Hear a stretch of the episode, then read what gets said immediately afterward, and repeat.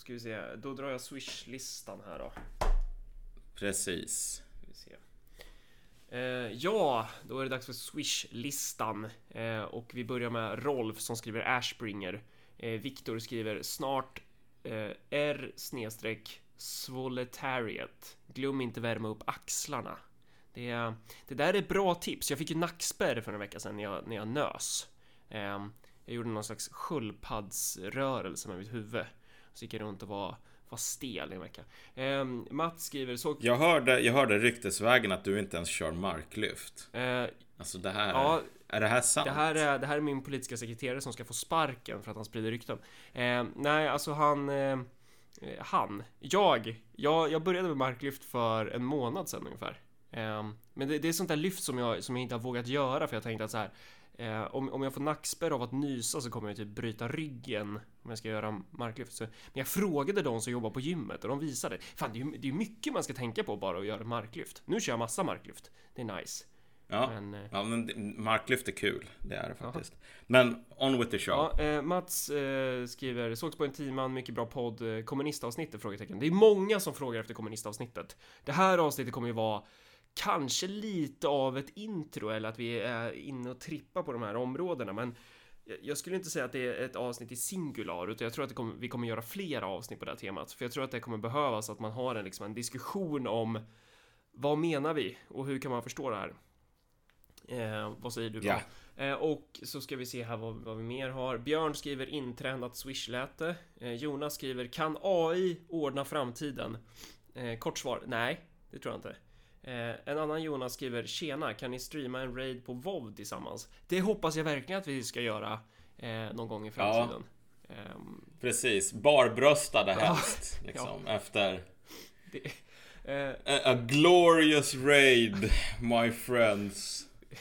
Eh, Max skriver, när blir det en podd med Hanif och Per? Ja, vi bjöd ju in Hanif eh, backstage på Modiris grej i Stockholm där. Jag försökte även värva honom till Örebroparti och försökte förklara för honom att det är ingen idé att han springer runt i det där obetydliga skitpartiet i riksdagen, men han, eh, han är inte helt övertygad än. Eh, om ni känner Hanif så kan ni ju försöka pusha honom och flytta till Örebro och gå med i ÖP istället. Det vore, ju, det vore ju extremt bara mindfuck för ganska många om Hanif hamnar på riksdagslistan för Örebropartiet. Det varit jävligt rimligt om han blev vår första riksdagsledamot. Vi måste ju se till att värva en riksdagsledamot bara för att. Ja, jo men precis. Och det, Hanif är väl den bästa kandidaten där. Ja, det är fan- Men eh, vi, vi, får fortsätta, vi får fortsätta övertyga honom om att alltså så här, du vet, de här gamla ideologierna, de gamla partierna, det där är bara bullshit. Alltså nu, nu krävs det nya tag här. mm, nu ska vi se, var var jag någonstans? Där. Men han kommer i alla fall. Han kommer till, till podden, ja. Någon gång. Det har Ja. han sagt. Han har lovat. Uh, nu ska vi se, Olof. Har ni tankar om AI, framtidens samhälle? Ehm, mycket frågor om AI. Ja, det, man, man kanske skulle snacka om det här någon gång. Det bara känns... Det, ja, jag vet inte. Är det så intressant? Jo, vi kan, vi kan väl snacka om det någon gång. ehm, kanske i samband med att vi gör den här Yang Gang eh, Universal Basic Income grejen som vi egentligen skulle göra idag tills Ja, eh, den här debatten kom Vi upp. kanske skulle bjuda in Karl där också. Eh, Ja, möjligtvis. Ja. Ja, nej men det, det finns på radarn nu i alla fall. Och så Mark skriver sluta prata dataspel och Navid Modiri. Ärligt. Ja, dataspel kan vi ju inte sluta prata i alla fall. Det är fan Marcus och Malcolm. Eh, Robert skriver prata om varför högern är dåliga någon gång. Men det har vi väl ändå gjort ganska mycket känns det som. Det, ja, vi måste ju ha, en- det kan väl inte ha gått någon förbi att vi tycker att, att svensk höger är sämst. Så vi kallar ju dem jävla hanrejer för ett par avsnitt sen var det väl.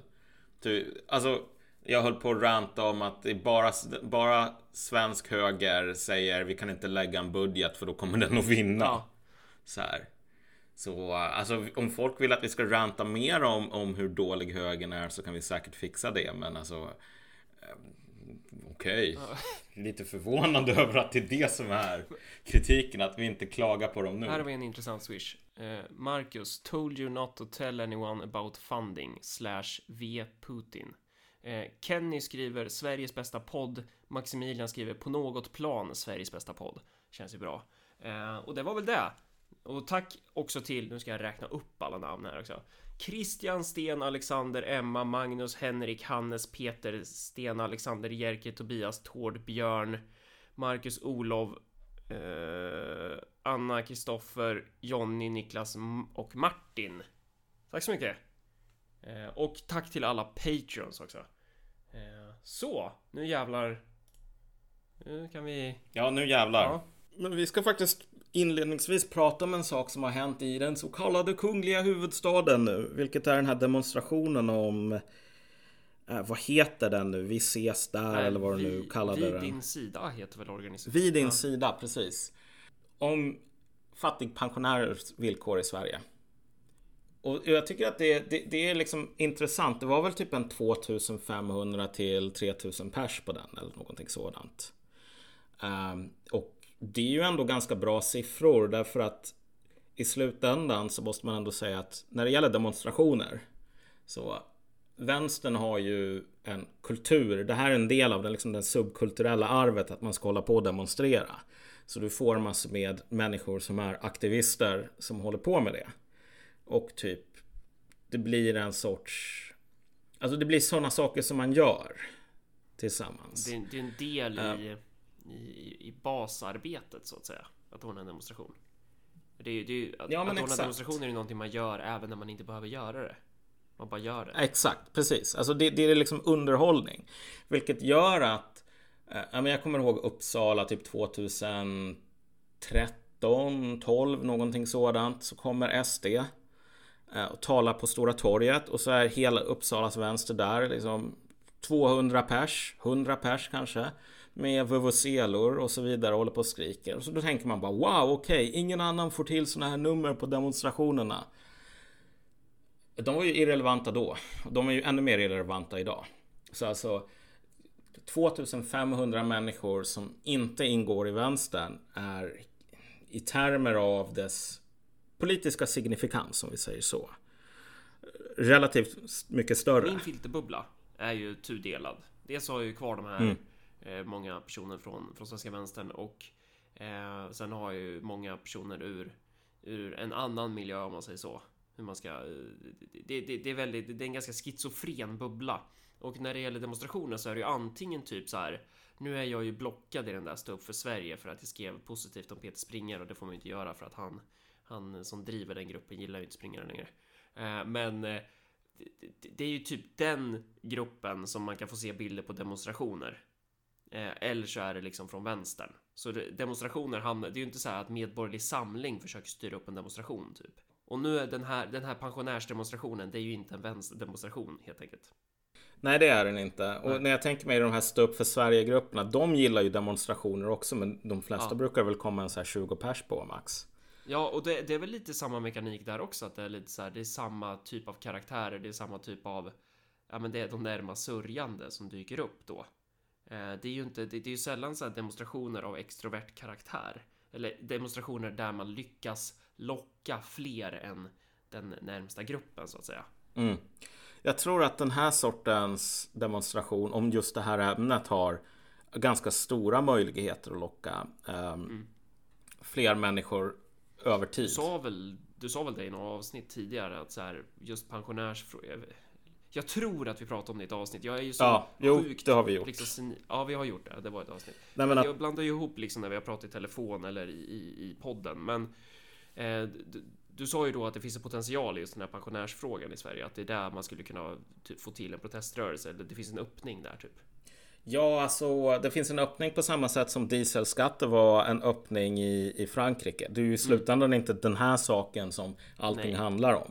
Men, men det är en sån här smärtpunkt som kan bli utlösande. Mm. Det intressanta är att, och det här tycker jag är fascinerande, att SD har ju varit väldigt mycket med framfötterna. Nu är det inte så här att det här är en vad ska man säga, någon sån här psyop eller astroturfing från SD. Det är inte de som har tagit initiativet vad jag vet. Ja, det är ju en helt, det, alltså det är ju nog politisk demonstration såklart. Men sen var ju både Moderaterna hade ju någon talare där, det var ju hon Svantesson från Örebro mm. och sen så eh, Åkesson också då från SD.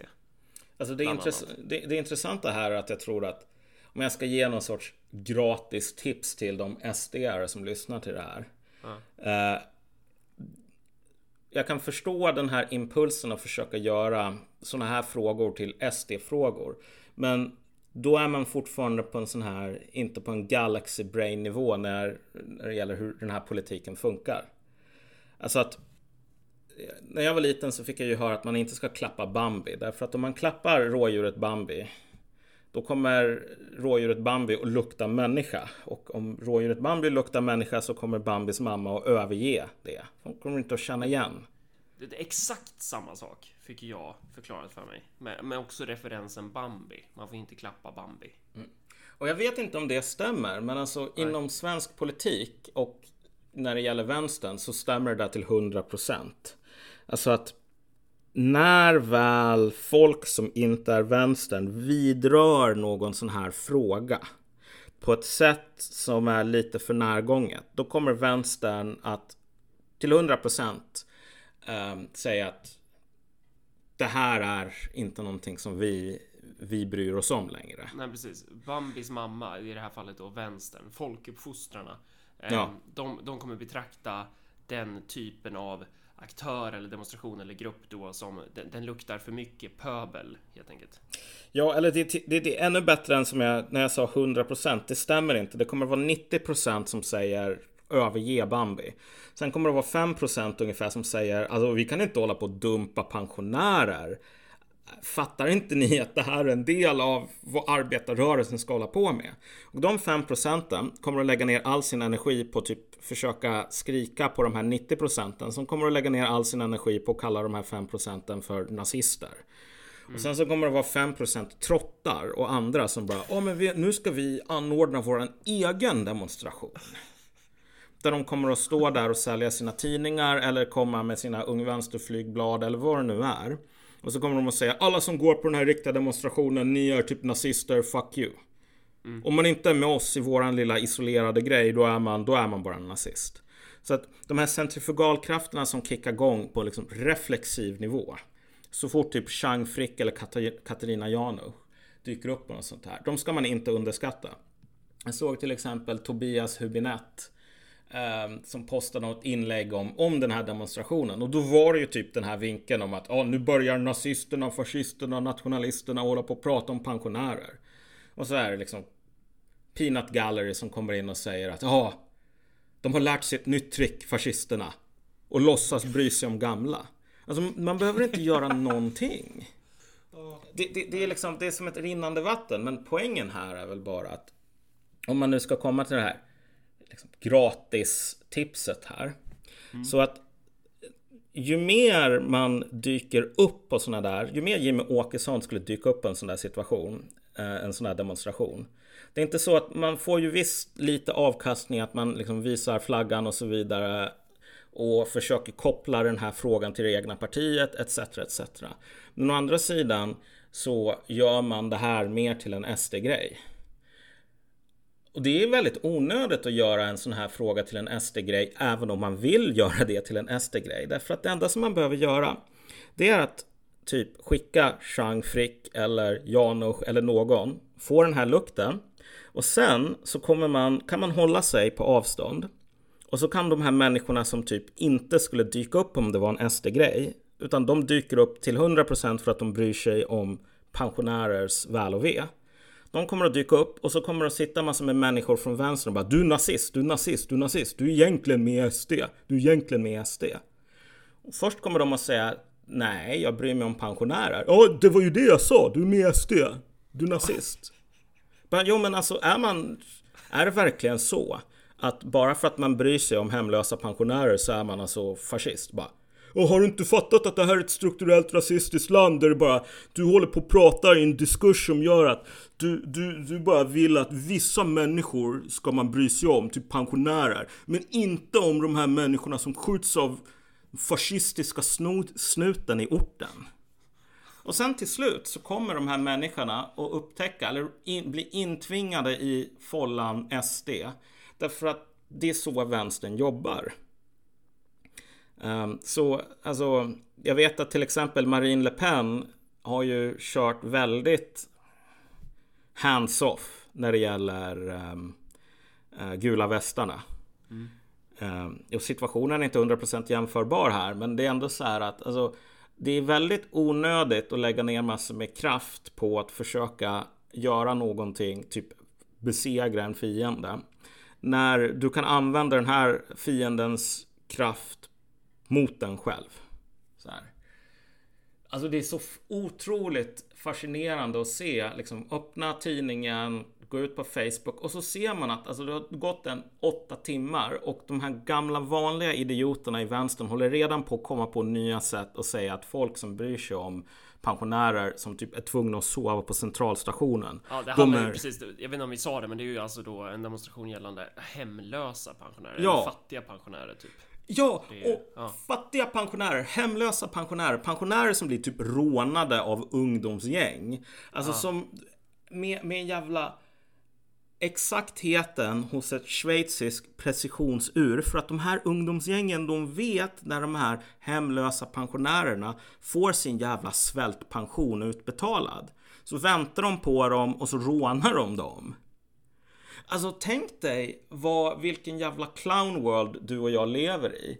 När det tar typ en, ett par timmar efter en sån här demonstration mm. och arbetarrörelsens representanter här börjar komma på nya sätt att säga att den som bryr sig om typ svenska skattebetalare som sover på gatan trots att sossarna lovat att de inte skulle göra det. De skulle ta som hand om. Den som bryr sig om det är fascist. Vi har ju inte spelat in sen, eh, sen vi blev utkastade från ABF tror jag. Nej, nej men precis. Det är ju... Det har hänt i alla fall och det är väl inget problem i sig i och för sig. Örebropartiet var ju medlemmar i ABF. Eh, 2014 gick vi med för att vi skulle kunna låna lokaler och sådär. Och sen så, eh, ja men nu, nu har de läst vårt invandringspolitiska program och kommit fram till att Örebropartiet är Ja men vi är väl någon fascist, nazist, rasister eller någonting. Eh, ja. Och anledningen är att vi baserar hela programmet på FNs flyktingkonvention artikel 234 som förespråkar assimilering. Eh, och vår, hela vår idé är ju liksom att nej men kommer du till Sverige då ska du anpassa dig efter Sverige och du ska bli en del av vårt land. Men eh, den där ABF-gubben han var ju jag spelade ju in samtalet och det blev ju ganska, ganska bra content. Man kan lyssna på det här på en artikel på Nyheter Idag, ett utdrag, när han pratar om att assimileringspolitik är ett hot mot religionsfriheten typ. Men det här är ju, det här är ju den typen av ideologi som, som de eh, Ja, det, det, är ju den här moderna vänsterns ideologi. Det är ju så här de funkar liksom. Ja, men exakt. Och det är så här. Att köra aikido mot den här sortens vänster är så fasansfullt enkelt. Jag menar, någon som Jimmy Åkesson slösar bort massor med tid och energi på att vara där och säga kom i min famn. Det enda han behöver göra det är att vänta på att typ vänstern står med såna här cattle prods. Du vet såna elektriska grejer som man föser boskap med.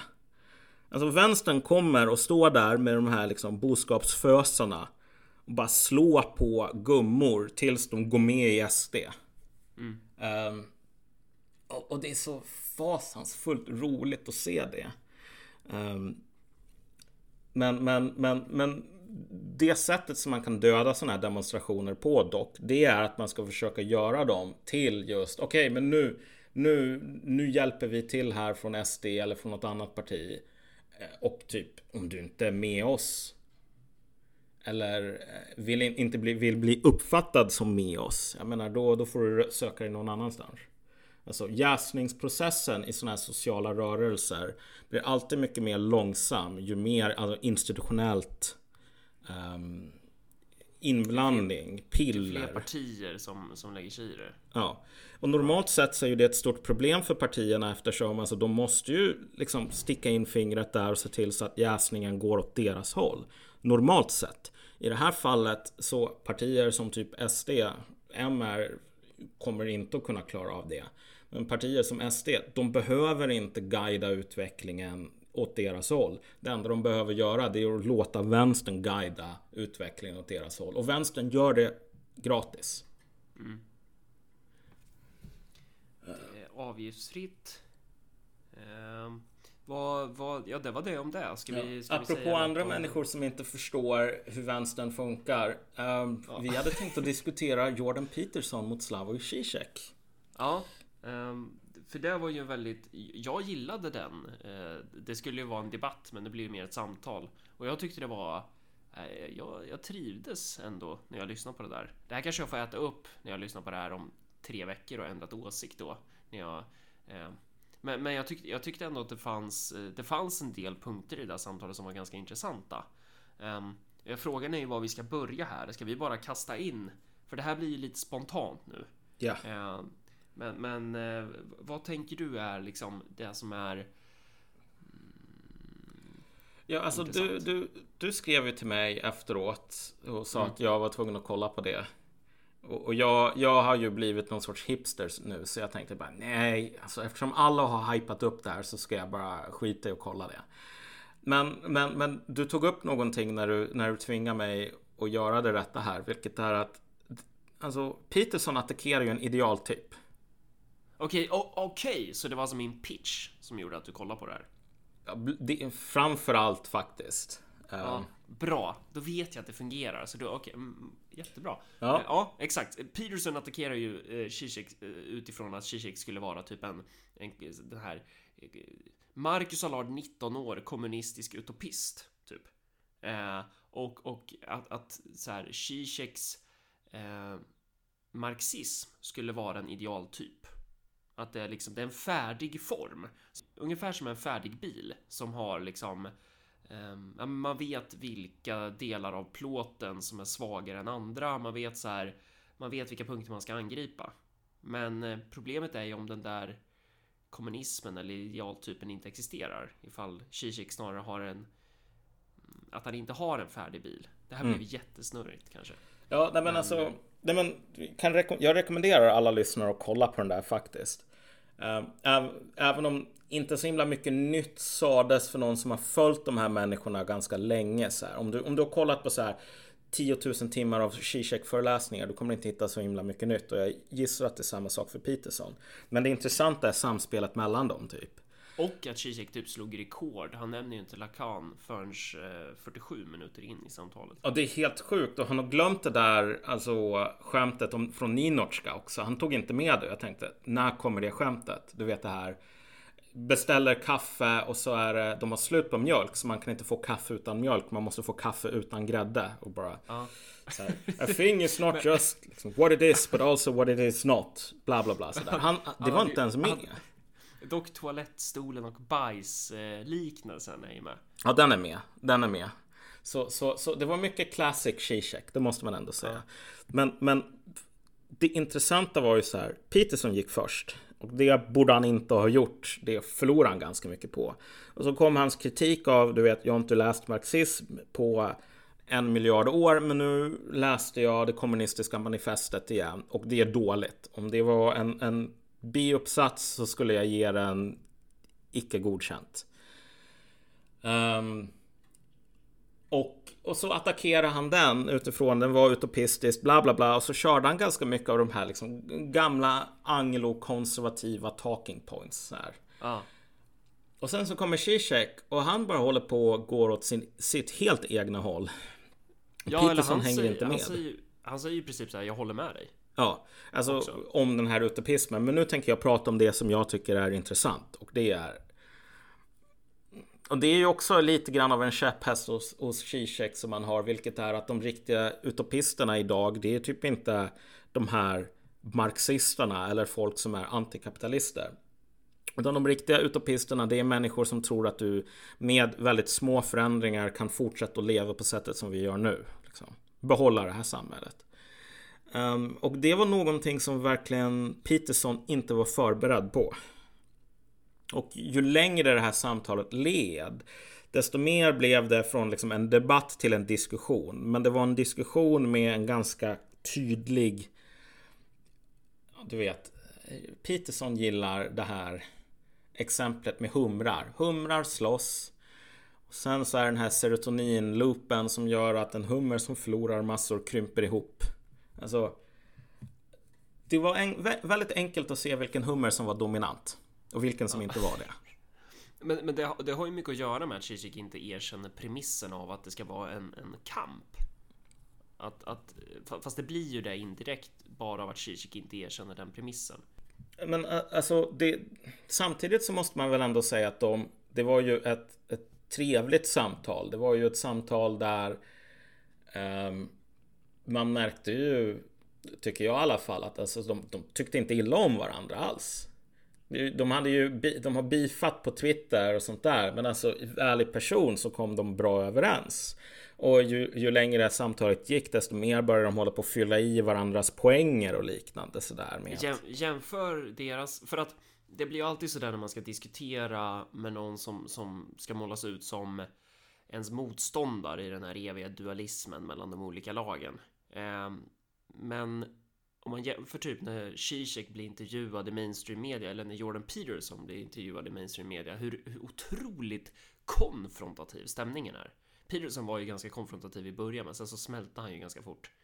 Ehm, men, men, det där visar ju också på hur, hur jävla ruttet det blir. Ehm, alltså begreppet dialektik, jag sa ju det till dig när du nu var, men det, det kommer ju från retoriken ursprungligen och det handlar ju liksom om att en tes möter en antites i form av typ argument eller åsikter eller liksom eh, kunskap och sen så syntesen då när man slår ihop de här. Det blir en högre sanning eh, och det är väl lite det som som det här samtalet karaktäriserades av att det fanns inte någon sån här du vet den här Peterson och hon, vad heter hon? Heter hon Anne Cathaway eller vad? Hon... Eh, ja, hon som, nej, so you're Kathy saying. Newman. Kathy Newman heter de va? Ja, Kathy Newman. Jag tror det i alla fall. Ja, men, ja, men, men den här so, intervjun so där hon ja, bara försökte ju... få honom att bara Exakt. So you're saying. Ja, och, och det, det, det kan ju bara sluta på ett sätt och det är att den ena dödar den andra typ. Och det var ju vad Peterson gjorde där. Han, han satte ju dit henne typ. Men, men Zizek och Petersons samtal är ju av en helt annan konstruktion. Det är ju, det är ju dialektiken. Det är ju liksom att de försöker nå ett högre stadium. Och det är ju det där man vill sträva efter och det är ju det där som blir man ska prata i så här poddtermer, content. För kolla, kolla hur många det är som har sett den debatten. Det är liksom det här, det här är inte så här, mediamänniskor och sådana där personer, de, de tror ju typ att nej, men alla människor har någon form av koncentrationssvårigheter och kan inte eh, lyssna på någonting längre än fem minuter. Mm. Eh, men, men det här är ju liksom två ganska stora tänkare. Zizek, det är ju inte så här som att han är en, en, en det är ju inte jättesimpla resonemang han har alla gånger. Men nej. ändå så är ju det här det är, ju, det är hur många som helst som har sett det där klippet nu. Alltså, är det uppe i några miljoner? Jag, jag vet inte hur... Ja, jag tror att det var, det var över en miljon som kollade på det live också. Um, så att alltså det, det, det, det, var, det var ett stort intresse. En del av det beror på den här hypen självklart. Alltså att alla bara, nu kommer den här titanernas match. Så blev det någonting ganska annorlunda. Men, men det här dialektiken, du sätter fingret på någonting extremt viktigt här. Om du går på typ Prime och så frågar du någon där om så här. Vad, vad har Twitter inneburit?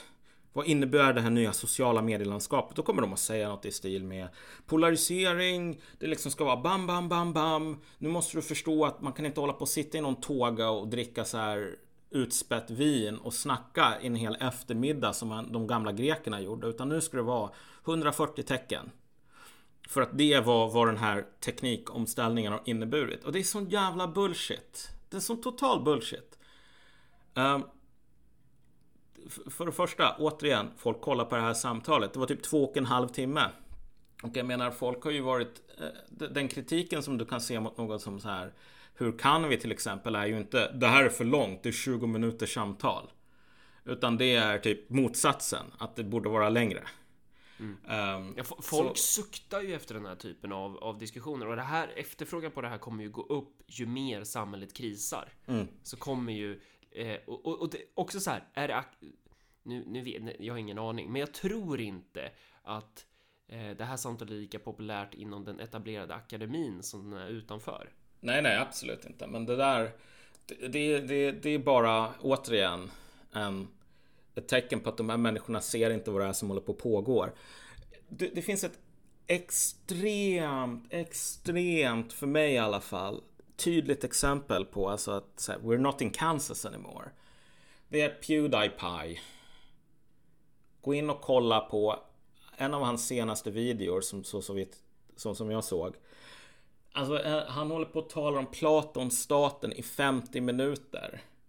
Pewdiepie. Vi talar om en kille som blev större än T-Series. Eller nu, nu tror jag han förlorar till slut. Eh, men, men, men talar om Youtubes största eller näst största stjärna. Hur blev han känd? Jo, genom att spela typ Alltså så här sådana här skräckspel och hålla på och skrika in i kameran. Men, men och folk bara liksom, det här är verkligen ett tecken på dagens intellektuella dekadens. Människors hjärnor har ruttnat bort. Det var inte som på 1800-talet där alla var bara smarta och läste böcker. Och det är så här. Okej. Okay, Även om vi nu antar att det är så. Varför är det så att denna eh, dumma gycklare underhållare håller på helt plötsligt när han har miljontals följare och håller på och säger Jag har läst Platons Staten. Nu tänkte jag sitta här och prata med er 50 minuter om vad jag tycker om den. Pewdiepie håller på med bokrekommendationer. Det här är inte den första. Och när du går in och kollar på um, kommentarsfältet, då är det så här Jolt-drickande 14, eller man drack Jolt på min tid när jag var 14 år, men det var ju fan ja. jävligt länge sedan. RIP in peace. Fan vad bra Jolt Cola var. Ja, det var det. Alltså, nu, nu är det så här Zoomer hour, eller Boomer hours här, när det är så här. De gör inte energidryck på vår, liksom, som, som de gjorde på vår tid. Men det var ju någonting att det kom någon ny replika på Jolt, jag för mig. Ja, jo, jag tror att de återlanserade. Men, men, men så här, vad det nu är som så här dumma fjortisar dricker idag. Det är såna. Ja. De dricker ju Nocco för de är dumma i huvudet. Typ Nocco och Monster. Så här, monsterdrickande fjortisar. Eh, som bara håller på att posta såna här kommentarer som Vet du vad, jag trodde filosofi det var gay och att jag inte jag, jag var för dum i huvudet för att förstå det. Men det här är faktiskt ganska intressant. Och det är inte konstigt att de, de tycker det därför att de här sakerna är intressanta. Och så fort du har någon, en clown inom citationstecken som Pewdiepie istället för någon fisförnäm Södertörns professor. Vet du vad skillnaden är? Skillnaden är att clownen Pewdiepie inte ser ner på sina tittare. Han säger okej, okay, nu tänkte jag ta en break från att hålla på och skrika, liksom sjunga Hej Hej Monica live. Eh, och bara tala om det här. Och ni behöver inte kolla om ni inte vill, men om ni vill kolla så gör det. Just på grund av att Pewdiepie är Pewdiepie så har han inte massor med pretensioner i relation till sin publik. Och när folk inte upplever att de får är bara en sån här vad heter det nu, en sån här attrapp som man runkar med. En sån här flashlight typ som någon professor använder eller någon sån här vänstertyckare använder för att typ onanera för att visa att jävla kunnig man är. Då tycker folk att de här sakerna är intressanta. Så det som har hänt med internet som man kan säga är någon sorts försämring inom citationstecken här, eller man kan nog säga att det är en försämring.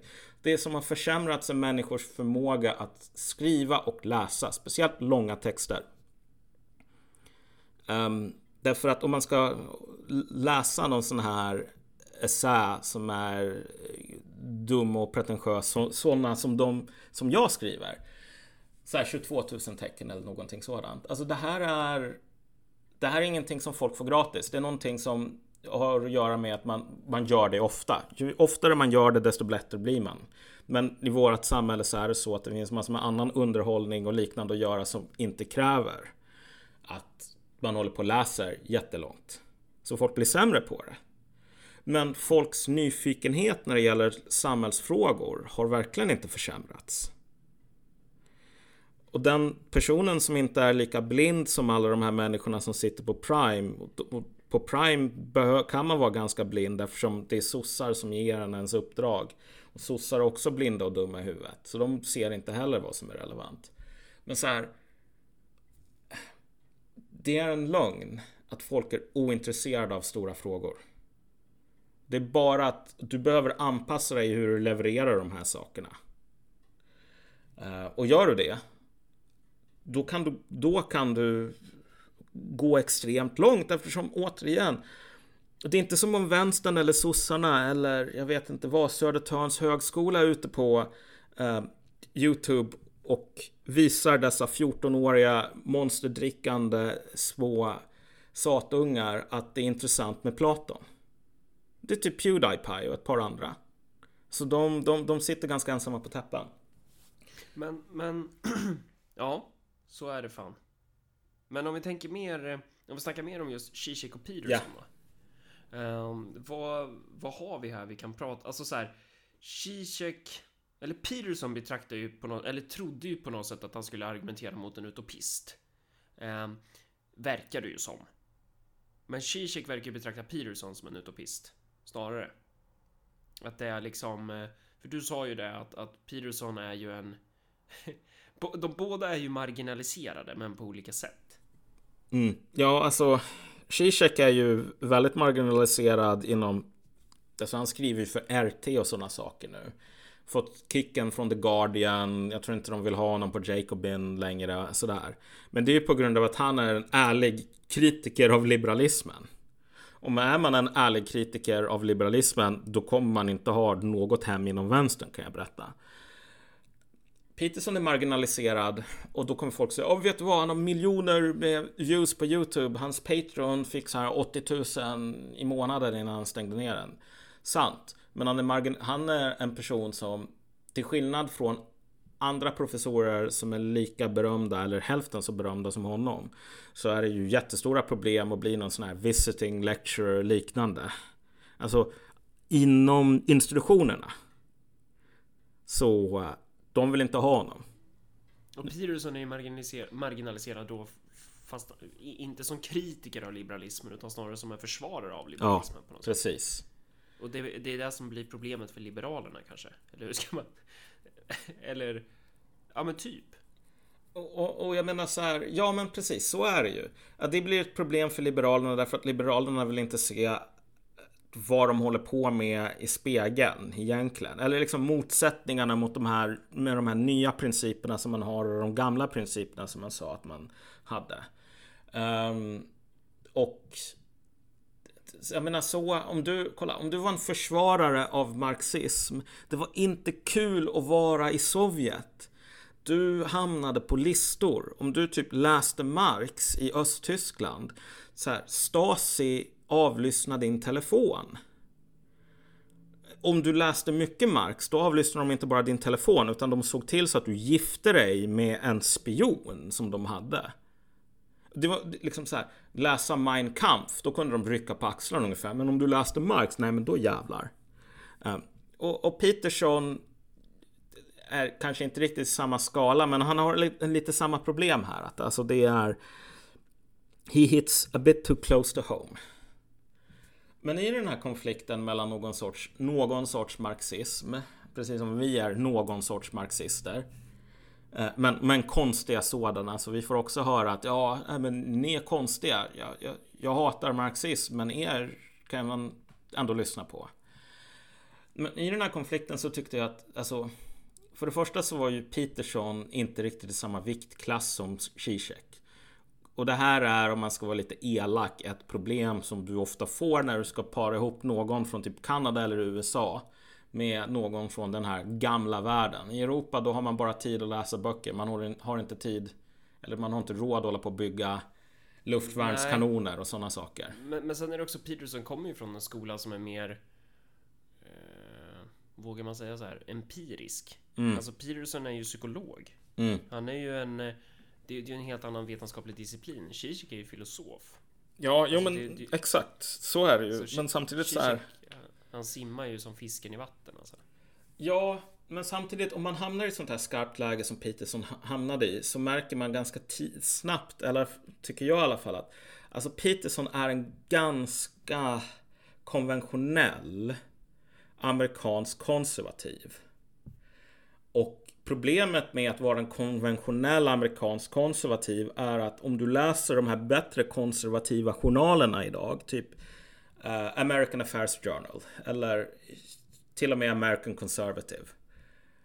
Vad hälften av artiklarna handlar om nästan är gammal konventionell konservatism hänger inte ihop. Det finns alla de här problemen och nu ska vi göra storstädning. Det är liksom vad folk håller på med där. Peterson är inte riktigt en del av den storstädningen därför att alltså i relationen mellan så här konservativa och liberaler. Konservativa i USA har ju typ var, sett sig själva, ofta ganska öppet, som så här, försvarare av det liberala systemet. Alltså de som kallar sig liberaler, de är för opolitliga, så vi konservativa och måste skydda allt det här. Och Peterson är mer liberal än konservativ i den här bemärkelsen. Så här. Han är inte en av dem som bara, ja ah, men vet du vad, jag kommer att börja läsa Bismarck.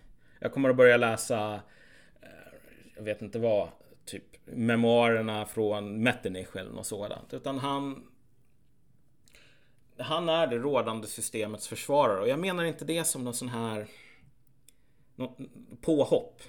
Nej, det är ingen skällsord. Nej, nej. Utan det, är mer, nej. Alltså det behöver inte vara något fel att vara det rådande systemets försvarare. Um, han vill att det ska fungera och han är en del av dess alltså, grundläggande antaganden om människan och så vidare. Och bara här så finns det ju en intressant diskussion vad som um, vi dialektiska materialister som tror att det finns en verklighet som existerar rent objektivt oavsett vad vi tycker om den. Att när man, när man ska lägga en sån här etikett på någon eh, som till exempel när vi säger att Peterson är det rådande systemets försvarare då menar vi inte vi där kanske då som att han är helt medveten om det utan han, han är det ju genom sina handlingar eller liksom i det han ger uttryck för så, så är han en försvarare i termer av att han tror på att det inom dagens ideologi eller inom dagens system finns en möjlighet att uppnå eh, den här lyckan som han eftersträvar. Eller bara det, alltså idén om hans lycka är ju inom de här ramarna. Eh, medans Zizek, han är ju marxist oavsett om han säger att han är det eller inte. Rent metodologiskt. Ja. Rent objektivt. Eh, och det är det där som, för där kommer man ju också in på, det kan vi prata om snart kanske, jag vet inte om vi ska ta det nu, men, men just det här med anledningen till varför Peterson attackerar Zizek eh, utifrån premissen att Zizek skulle vara, vara en korkad utopist eh, som, som håller liksom en idealtyp som sin sanning. Det är ju för att väldigt många personer som kallar sig marxister är exakt så. De ja. är ju utopiska, de tror på den här idealtypen, man har lärt sig rabbla liksom eh, man har, lärt, man har läst de marxistiska verken som en bibel. Och så har man liksom copy-pastat in de här formuleringarna och så håller man, man har en strikt fyrkantig ram. Och man håller sig inom den ramen. Eh, och där, där är det ju inte så här att man blir Kanske jag snurrat ihop det här, men där blir man ju inte marxist i objektiv mening Snarare i subjektiv mening, för man säger att man är en marxist ja. Känns, alltså man, man definierar sig som det så. Ja men alltså Om man ska ta ett, ett exempel som inte alls är så himla långsökt, även om det kanske verkar det. Du vet när de här jesuiterna kom till eh, Centralamerika skulle få maya-indianer att börja tro på Jesus. Det var skitenkelt i början. De, bör, de, de, de, de kunde acceptera Jesus hur enkelt som helst, de här maya-indianerna. Men problemet var att det de gjorde, eller det var ett problem för jesuiterna i alla fall, det var att Okej, okay, Jesus en ny liksom, gudomlig figur som vi lägger till vid sidan om våra gamla. Samma sak med sådana här saker som julafton och liknande. Att många av de här kristna traditionerna som vi har idag är liksom en kristen fernissa över... Um, över de gamla fornnordiska ja, traditionerna. Precis. Det är så här, och man försökte stå emot det där ganska länge. Man bara, nej, ni ska inte hålla på och fira julafton. Eller ni ska inte hålla på och fira vintersolståndet till folk i Norden och så fortsatte de med det. Och sen till slut så var man tvungen att hitta en kompromiss vilket är att ni slutar fira vintersolståndet men ni firar julafton istället. Och poängen här är bara så här att när Peterson använder en sån här postmodern neomarxist han begår det här misstaget att han tror att de här människorna är marxister i bemärkelsen att de för vidare till Marx obruten tradition mer eller mindre. Men det större problemet är så här att det här är människor, alltså det är ju inte en lögn att kalla dem marxister på ett plan. Det här är det som du är ute efter med det här objektiva versus Exakt. subjektiva. Exakt. För de ser sig själva som det. Men ja. det här är i slutändan de här maya-indianerna som bara, ja men Jesus. Och så har de sin egen, liksom utifrån sitt eget perspektiv och sin egen religiositet. Inga problem alls att inamma Jesus. För Jesus är bara namnet på en sak som man redan gör. Mm. Och meta, metavarianten här blir ju då att det är oftast de här personerna som Peterson har sett och kanske de här idioterna som har stått och demonstrerat när han har föreläst typ och som kallar sig marxister. Det är ju de, de, hävd, de är väldigt snabba på att hävda att det är de som liksom representerar den sanna, den genuina marxismen. Det fick ju vi kastat emot oss mm. när vi skulle eh, ställa till med djävulskap i Ung Vänster. Att det var inte genuin marxism att försöka vinna på alla möjliga sätt möjliga. Eh, så att begreppet genuin marxism, alltså att de, det är de här, de här Ja, det, det, det är ju de som, som vill som vill se sig som det. Ja, så men det, det finns, en, det, det finns ett mycket större problem här egentligen. Mm. Um, förlåt att jag avbröt här, men... Nej, nej men det, det jag, jag, är, jag var klar. Okej. Okay. Det, det är min tanke som inte är färdig. Ja, men jag testar. Jag tänkte bara så här. Du ja. kan bolla den här grejen med dig så får du se vad du tycker. Men jag tror att en sak som slår mig med Peterson är att och det här är en, lite tragiskt med honom som figur. När han angriper sådana här postmodern neomarxist, precis som du var inne på innan, så gör han, tänker han att nu angriper jag den här obrutna traditionen från Marx. Och att alltså de här galna grejerna som vi ser på campus, typ folk som... Ja men blåhåren är förlängning ja. på typ eh, kommunistiska manifestet. Det finns en obruten linje därifrån. Problemet är bara så här att, alltså han, he doesn't name the real enemy. Alltså den, den, i slutändan, vad de här människorna är, är inte en utväxt på liksom Marx. De är en utväxt på liberalismen. Den som han försöker försvara i någon sorts fungerande ordning. Alltså det finns ett plan, det finns två plan åtminstone som det här som jag just sa är sant. Första är det här triviala planet. Om du kollar vilka som är med i typ DSA, Democratic Socialists of America. Jävligt många av dem var så här Hillary-väljare förut. Alltså så att om du bara följer den personliga historien hos många så kallade socialister idag i USA. Så typ att Trump vann gjorde att de började ha på sig så här hammaren och skäran. Uh, I'm not making that up by the way. Alltså det här är väldigt, väldigt tydligt om man följer många av de här typ Sean McElvey och liknande sådana figurer.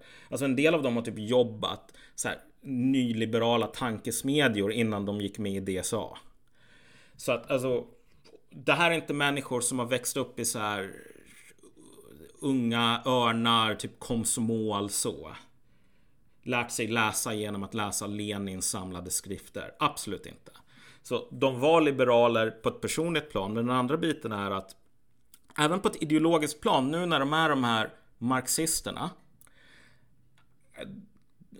Hur säger man? If it walks like a duck and talks, talks like a duck, it's a duck. De här människorna är liberaler även på, på den nivån.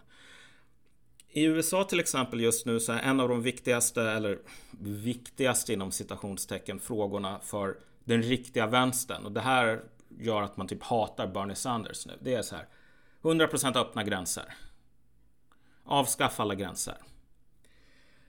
Och så hatar man Bernie för att han säger, nej men vet du vad? Typ avskaffandet av alla gränser skulle bara knulla amerikanska arbetare i röven. Jag kan inte vara för något sådant. Tänk vad som skulle hända med massor med så här städer i Ohio och liknande. Folk skulle bara hamna på gatan och svälta ihjäl. Och då säger folk, fy fan Bernie, jävla fascist. Hur vågar han ställa grupp mot grupp? Men du, alltså på den gamla tiden när det fanns så socialister.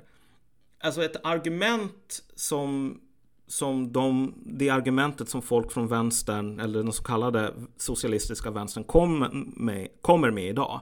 Är typ att gränser är fel på grund av att gränser begränsar den individuella rätten att röra sig vart man vill. Och att den individuella rätten att röra sig vart man vill är så helig, en sån helig del av marxism. Att um, de som inte är för öppna gränser, de är inte riktiga marxister. Alltså så här, ingen resonerar på det sättet typ 1910. Ingen resonerar att alltså, den personliga autonomin är det viktigaste som finns. Alltså i de, de fallen som man tyckte personlig autonomi var bra, då är det så här, när, när utopin, när kommunismen kommer, då kommer det att finnas mer av det. Men fram till att den dagen är här, då är det så här, du är en arbetare, du ska gå med i våran jävla nykterhetsförening, du ska betala in till den här jävla strejkkassan. Jag skiter i vad du tycker. Du är inte intressant. Det finns saker viktigare än dig. Ja. Och frågan är ju där, för, för att de skulle debattera liksom så här, vad... det är också så här, ja, som gjort för att bli bajs, men det blev bra. Men, men att de skulle debattera lycka. Ja. Typ. Är, är kapitalismen eller kommunismen bäst på att nå lycka? Liksom? Um, men det blev mer en diskussion om lycka som koncept kanske delvis, eller? Ja, jo men precis. Um, men, men för att så här angående det här med att vara en fri individ. Det är ju den hegemoniska befallningen.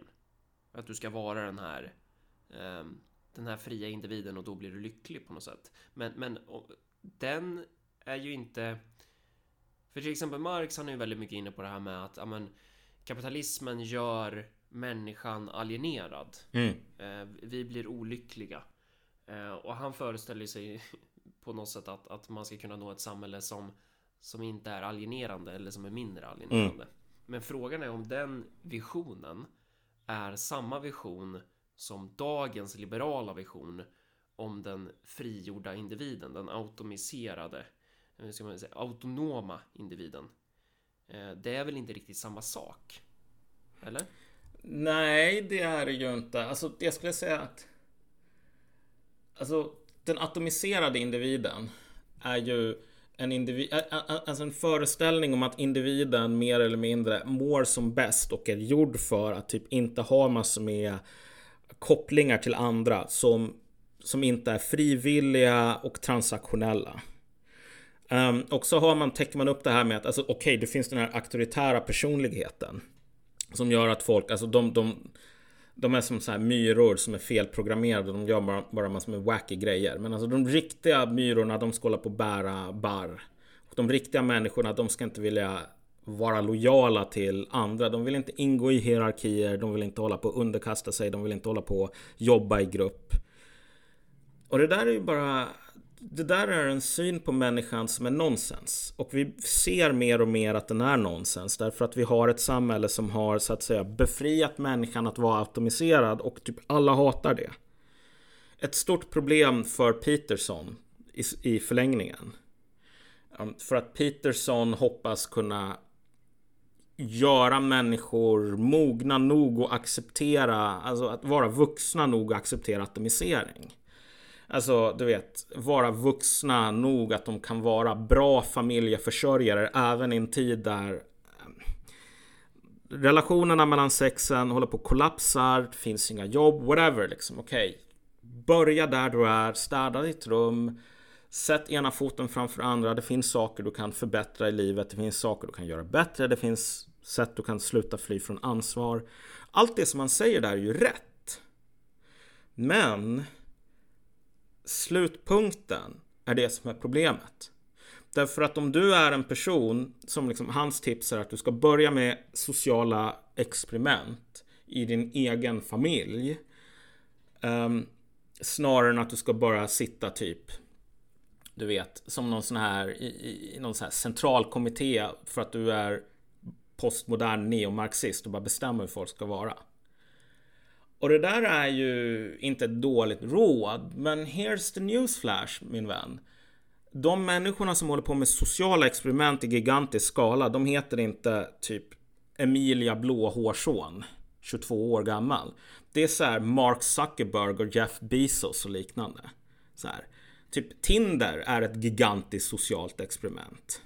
Så vi lever i ett samhälle där de här sakerna håller på att fortgå hela tiden. Och mot det gigantiska sociala experimentet så är det väldigt liten enskild individ kan göra i slutändan.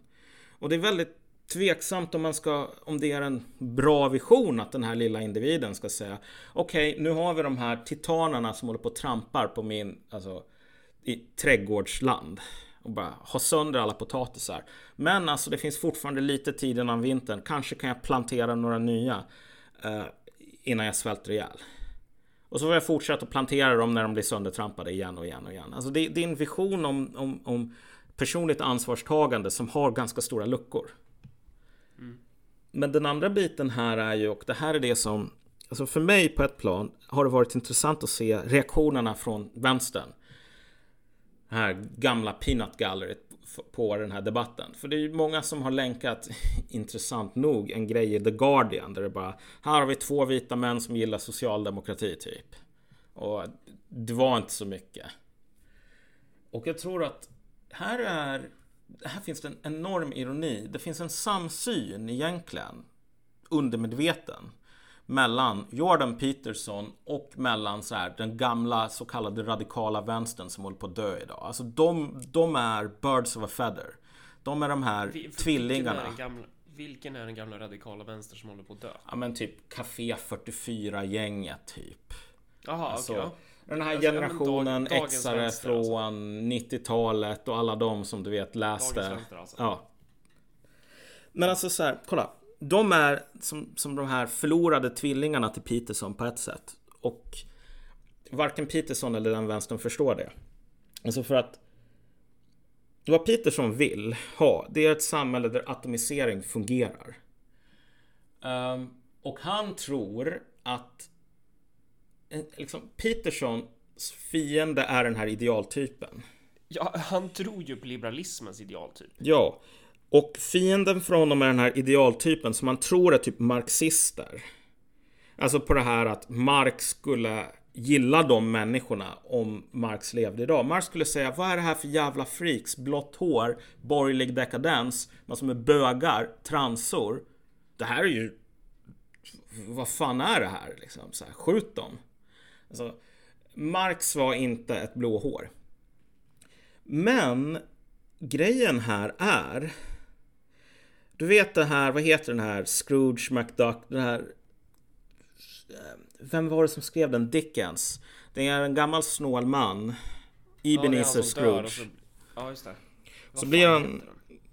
jag, jag vet inte Ja, alla vet vad Ja. jag menar om, om man säger Ebenezer Scrooge. Ja, det är Ebenezer Scrooge. Han sitter hemma på eh, julafton. För att du vet, det kostar pengar att hålla på och fira jul och alla är bara dumma liksom.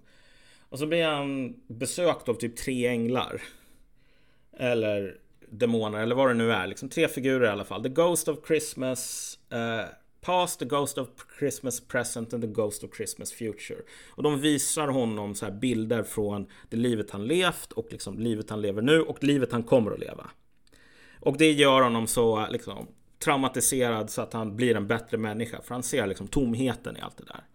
Alltså, det roliga här är att blåhåren inte förstår att Jordan Peterson inte är fienden. Jordan Peterson är the Ghost of Christmas Past. Jordan Peterson är den liberala världssynen så som den såg ut för 30 år sedan. Och vad Peterson inte fattar, det är att de här blåhåren som han hatar och som han slåss mot varje dag är inte Marx. Det, är inte, det kommer inte utifrån. Det här är the Ghost of Christmas Future. Present blir det väl? Ja, Eller ja, det blir future för honom. Ja, future för honom. Alltså för att... ehm, och det finns en väldigt bra bok som jag tror jag rekommenderat tidigare som heter Why Liberalism Failed av Patrick Deenan. Men kontentan med den boken är bara så här att det som vi ser med liberalismen och alltså dess mest extrema former idag, alltså Annie Lööfs dummaste uttalanden. Det är väldigt enkelt att argumentera för dem utifrån en liberal människosyn. Därför att ta det här med att alltså, alla människor ska kunna bestämma sitt eget kön till exempel. Liberalismen är en ideologi som utgår ifrån att alltså, vi människor blir bara kompletta när det inte finns någonting utifrån tvingande. Som vi inte väljer själva, som så att säga begränsar oss i våran individualitet. Om du levde på 1800-talet, eh, då var de sakerna som var utifrån tvingande som begränsade din individualitet. Det var så här människor som Metternich.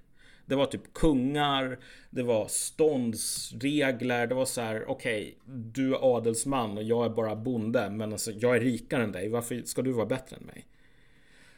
Så liksom det var ganska basala saker som man kunde hålla på att angripa.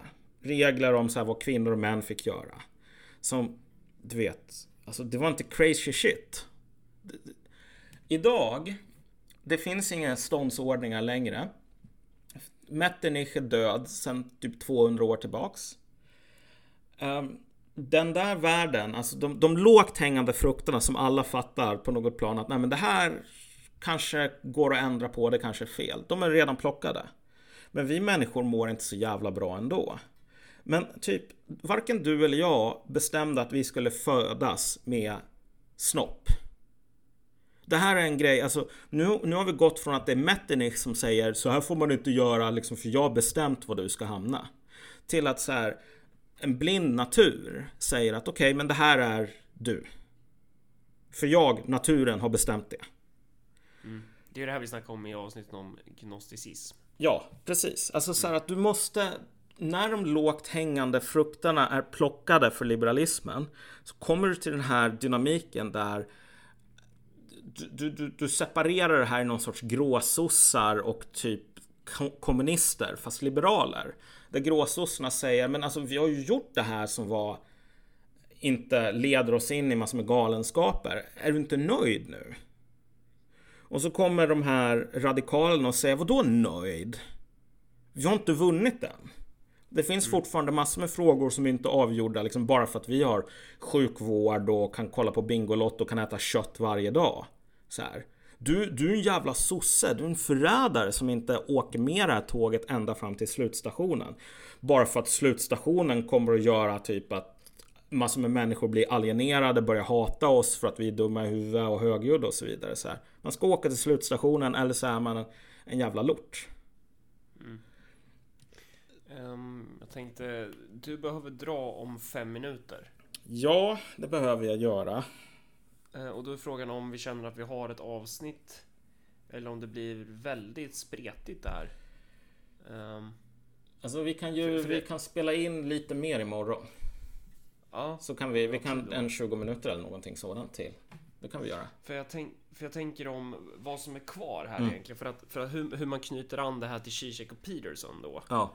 Uh, hur det här hänger ihop med det. Alltså för att... Um, för, för, du hade väl någon poäng när du skulle förklara att uh, det Peterson angriper det är hans Ghost of Christmas Present. Ja, uh, nej men precis. Ja, men jag kan slutföra den poängen så kan vi göra resterande liksom imorgon. Ja, för det jag tänker man vill ta upp då det är bland annat det här med eh, marxism och jämlikhet. Ja, jo men precis. Eh, men vi, vi, vi, har saker kvar. Man, man, har olika, man kan ha olika utgångspunkter i sin marxism tänkte jag säga också. Ja, men, ja. ja men vi, vi har saker kvar. Eh, men bara så att jag inte glömmer det här med liksom The Ghost of Christmas Past så kan jag säga någonting kort här. Bara så att den säcken är ihopknuten så att jag inte glömmer att knyta ihop den så här i, imorgon. Okej.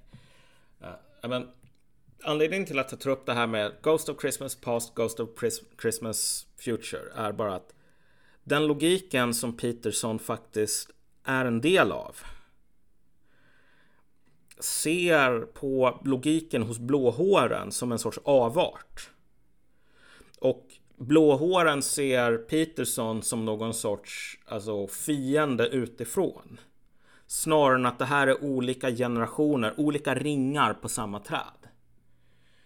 Eh, och jag tycker att det blir tydligare och tydligare i sådana här debatter att alltså, vi börjar nå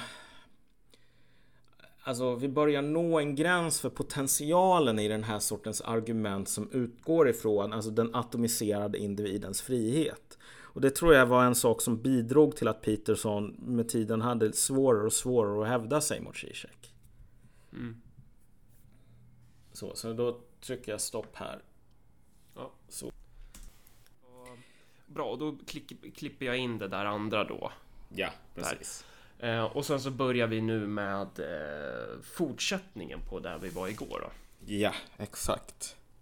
Um, och jag menar, alltså en annan sak som jag tycker som var intressant med den här Peterson mot Zizek. Um, alltså den här krocken mellan olika idéer och egentligen olika, olika antaganden om vad debatten skulle handla om var ju det här med Peterson hade ju sitt förberedda kritik som handlar om att du vet equality of outcome är fel och det är det som marxister vill ha medan equality of opportunity är bra typ. Och det där är ju... Men det där är så jävla centralt för det där får ju vi kastat mot oss också. Och, och, det, och det kan man ju inte... Det är väl egentligen inte så fel av Peterson att tro att Eh, marxister vill det här eftersom många som kallar sig marxister ger uttryck för just det. Men, men det där är ju på många sätt ett, typ antimarxistiskt. Alltså marxismen har väl inte som mål att typ så här, skapa total jämlikhet. Det är ju alltså det är ju så här. Det är ju liberalt flum.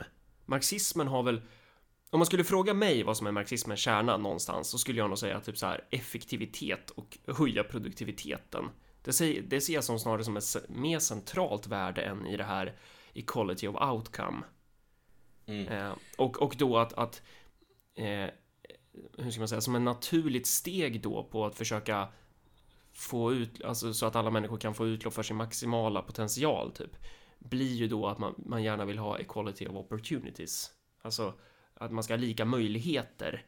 Eh, men, men det är ju snarare, alltså det är ju underordnat någonting högre, skulle jag säga. Ja, och det där var ju Zizeks kritik också så här att um, när han talade om jämlikhet så var det i slutändan jämlikhet av opportunity. Så att folk kunde förverkliga sin potential snarare än att alla ska hamna på samma ställe. Och visst, det finns en lång och intressant historia här. Om vi talar om marxister och socialister. Och problemet med Peterson här är det problemet som Peterson nästan alltid har, har jag märkt. Vilket är att Alltså han skjuter från höften med något så här rostigt muskedunder. En hel del av projektilerna träffar, men de träffar på fel ställen eller liksom av fel anledningar. Att om man bara begränsar sig till att säga att ja, men okej, men jag ser att det finns massor med postmoderna neomarxister som faktiskt verkar drivas av att det ska inte finnas några skillnader i utfall. 100% korrekt.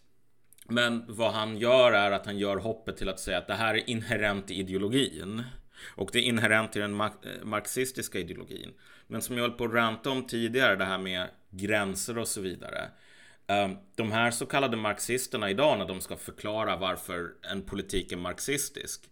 Då använder de i slutändan liberala argument. Så här, att den individens totala rättighet att flytta vad han vill. Ingenting får begränsa individen och så vidare. Så Peterson identifierar fienden som liksom kommande utifrån här snarare än en extrem version av den moderata ideologin som man själv bekänner sig till. Mm. Um, och det intressanta här är ju att ta någon som Trotsky. Trotsky trodde ju att efter att revolutionen är fullbordad så kommer vi att upptäcka att liksom, inom varje arbetare så finns det en Sokrates eller en Platon eller en Aristoteles. Um, och det är ju en tro kanske på något sånt där jämlikt utfall. Men det är också en tro på att det finns massor med potential inom människan som förslösas. Mm, exakt. Vil vilket, alltså jag tror att det är en ganska orealistisk bild av, av, av hur mycket potential det finns. Ja, Men det, är att säga... det är en orealistisk bild att alla, att alla kommer vara så här superfilosofer. Men om poängen är att det finns väldigt mycket potential som förslösas så är det ja. väl alldeles korrekt.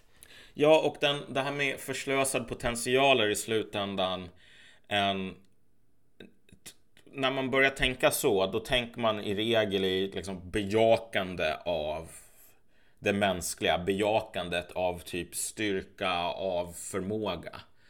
Vi gjorde ju det här avsnittet om slavmoral. Så här, någon som Trotskij, även om jag tror att alla inte kommer att bli en Sokrates. Alltså om vi ska ta det här exemplet örnar och lamm här. Trotskij säger alla, alla vanliga arbetare kan bli en örn. Vilket är raka motsatsen till att säga det är vackert att vara en ehm, vara ett lamm. Örnar, okej, okay, de är starkare och de fångar lamm, men det där är dåligt. Och ta den här tidiga arbetarrörelsen, alltså på, på, på 1900-talet, 1910-talet säger vi. När sossarna inte var hegemoner utan när de var de här skabbigaste lejonen utan någon man som höll på att driva runt på savannen ungefär. Kritiken från de här monopolgubbarna i cylinderhatt mot så här arbetarrörelsen var att en arbetarrörelsen var en idiotisk idé. Tänk dig så här, alkoholiserade eh, eh, knegare med skrumplever som får betalt i eh, så här, en liter brännvin om dagen. Som de dricker, liksom bara halsar. Kan inte läsa, har ingen koll på hur ekonomi funkar, har ingen kultur. Ska de styra ett land? På mm. allvar? Ska de, ska de få rösträtt? Det är ju helt ja. absurt. Ska du ha någon sån här alkoholiserad typ tegelbärare som typ slår sin fru, kommer att dö av skrumplever när han är så här 35 år gammal. Ska han typ uh, hålla på att styra typ komplicerad logistik för typ svenska örlogsfartyg? Okej, okay, om du vill att alla de här fartygen ska sjunka till botten så är det en skitbra idé att sätta en sån person på det jobbet. Men och grejen är att kolla, den här tidiga arbetarrörelsen de, de internaliserade ju den här kritiken. De var ju fullt medvetna om att de inte kunde typ läsa, eller en del av dem inte kunde det, att de var alkoholiserade och många av dem var fuck-ups, många av dem dog faktiskt på skrumplever, allt det där. Men vad de sa var bara så här, ja nu ja jävla monopolgubben, nu ja. Uh, eh, vad de gjorde var att säga att vi kan också bli örnar här. Vi kan hålla på efter jobbet. Liksom gå till något så här arbetarbibliotek, läsa. Och i arbetarrörelsen överlag, nu mindre så i Sverige eftersom Sverige hade en väldigt bra skola väldigt tidigt. Men så här, på de ställen där skolan inte var lika bra som den svenska folkskolan. Alltså de arbetare som inte kunde läsa själva brukade typ betala någon liten slant till någon som kunde läsa typ så att de, den här personen kunde högläsa kapitalet åt dem. Uh, man var extremt motiverad att förbättra sig själv. För att de här, de här monopolgubbarna sa okej, okay, ni är svaga, ni är jävla lamm. Medan vi är örnar, vi har rätt att bestämma på grund av att vi är starka. Och arbetarna sa okej, okay, vi erkänner att ni är starkare än oss just nu. Men vi tänker aldrig någonsin erkänna att det måste vara så här den liberala synen idag är typ att, vet du vad, det är faktiskt fascistiskt att säga att bara för att man är mentalt efterbliven så ska man inte få styra landet. Det här är funkofobiskt. Okej, okay, du har ingen utbildning, men det här är typ klassism. Det är klassfobi att säga att en icke-utbildad alkoholist inte ska få styra eh, eh, svenska flottan. Och det där är, det är ett bejakande av eh, svaghet och också ett bejakande av att så här, det ska inte finnas någonting relevant hos människor som gör att de hamnar på olika ställen. Om du är en person som håller på och pluggar hela dagen och du har slutat supa och allting sånt. Du ska inte få hamna på något bättre ställe än en person som typ inte bryr sig. Därför att där... i så fall... Ja. ja. Nej, Nej men vad tänkte du säga? Ja, det där är ju inte riktigt Eh, någonting som Peterson ger uttryck för. Han är väl snarare mer åt det här hållet. Ja, men ryck upp dig själv. Jo, jo, jo, men han är det. Men jag skulle säga att kolla, de människorna som säger nej, vi kan inte ha det så här. Ja. Det är inte bara marxister. Det är libs. Det är jävligt ja. mycket liberaler. Jo, jo och men, åk till Harvard och vilka är det som kommer att säga? Alltså det finns ju folk som har någon sån här, jag vet inte vad, bakgrundsbild med Lenin på sin smartphone för typ 2000 dollar. Fine. Men ju, ju högre upp du kommer, desto mer kommer den här cuddling. Liksom, vi ska inte ha olika utfall manifestera sig. Ja, men till exempel är att man då ska bejaka svaghet. Man om man är fet och dålig på att springa så vill man inte ha eh, jumpa i skolan för det är orättvist. Typ. Ja, alltså det, det jag, liksom jag, läste en, en, rolig grej apropå det där med fetma. Att något företag i typ Silicon Valley hade förut haft um, Alltså så här interna, du vet HR um, ehm, Liksom tävlingar med, med något sånt här symboliskt pris man kunde vinna typ en tårta och tusen spänn eller någonting för man satte lite olika så här, mål, hälsomål. Och företaget delade ju ut lite gymkort gratis och sådär för de hade någon deal med något gym. Så en person som till exempel gick till det här gymmet och gick ner 10 kilo och kunde liksom vinna någon sån här typ, ja men en tårta. Och typ ett omnämnande på någon billboard. Sen så var de tvungna att ta bort det där på grund av att de insåg att det var extremt problematiskt att säga att vissa saker är mer hälsosamma än andra. Mm. Så om du har en tävling som säger den här personen gick ner 10 kilo, liksom grattis, den har visat lite så här initiativ. Här, nu kommer vi äta en tårta för att fira den här viktnedgången. Det, det är fascism. Därför att det är att säga att att vara, ähm, väga 70 kilo när man är typ 180 centimeter lång och väga 200 kilo när man är 180 centimeter lång. Det är, sam, det är liksom, en är bättre än det andra. Sorry, men det är inte massor med marxister som jobbar i Silicon Valley, my friend. Det är inte, det är inte Lenin och Trotskij och Stalins lärjungar som jobbar på typ Lyft. Eller Uber. Som någon sån där software designers. Och poängen är då snarare ja. att, att det, det, man ska göra om man ska följa Trotskij här, det är väl, det är väl snarare att eh, Ja men det är, det är ju jättebra, alla borde ju träna så att alla kan liksom maximera sin potential. Och sen just Trotskij, han var ju för fan Röda arméns befälhavare. Det om något är väl liksom en så här ett sätt att visa att även de de lägsta av de lägsta kan bli kan bli örnar. De spöade ju x antal arméer i det där inbördeskriget sen. Det var ju liksom, det, det var ju alkoholiserade ryska bondjävlar typ. Trotskij, ja, Trotskij skulle ju säga att så här, det faktum att det existerar feta människor överhuvudtaget i USA är på grund av kapitalistisk dekadens. Så här. Och när kapitalismen är avskaffad så kommer ingen att vilja vara fet. uh, och alla kommer att stå där som någon sån här grekiska gudar, liksom olja in sina muskler och motionera naket varje dag typ. Och jag tror att det är fel. Jag tror att um, um, ganska många människor kommer att vara feta för att de bara, nej men typ, jag vill dricka öl och jag vill inte röra på mig, punkt. Uh, men, men som sagt, man, om man skyller den här, nej vi kan inte, vi kan inte hålla på och uppmuntra folk och typ gå ner i vikt eller träna i någon sån där rolig kamrattävling för att det är fascism. Det är inte marxisters fel att det är så. Men å andra sidan, det är ganska många människor som kallar sig själva marxister som är fullt mitt inne i det där. Och det här är det som är grejen på något plan. Apropå behovet av att göra liksom ett avsnitt om kommunism någon gång.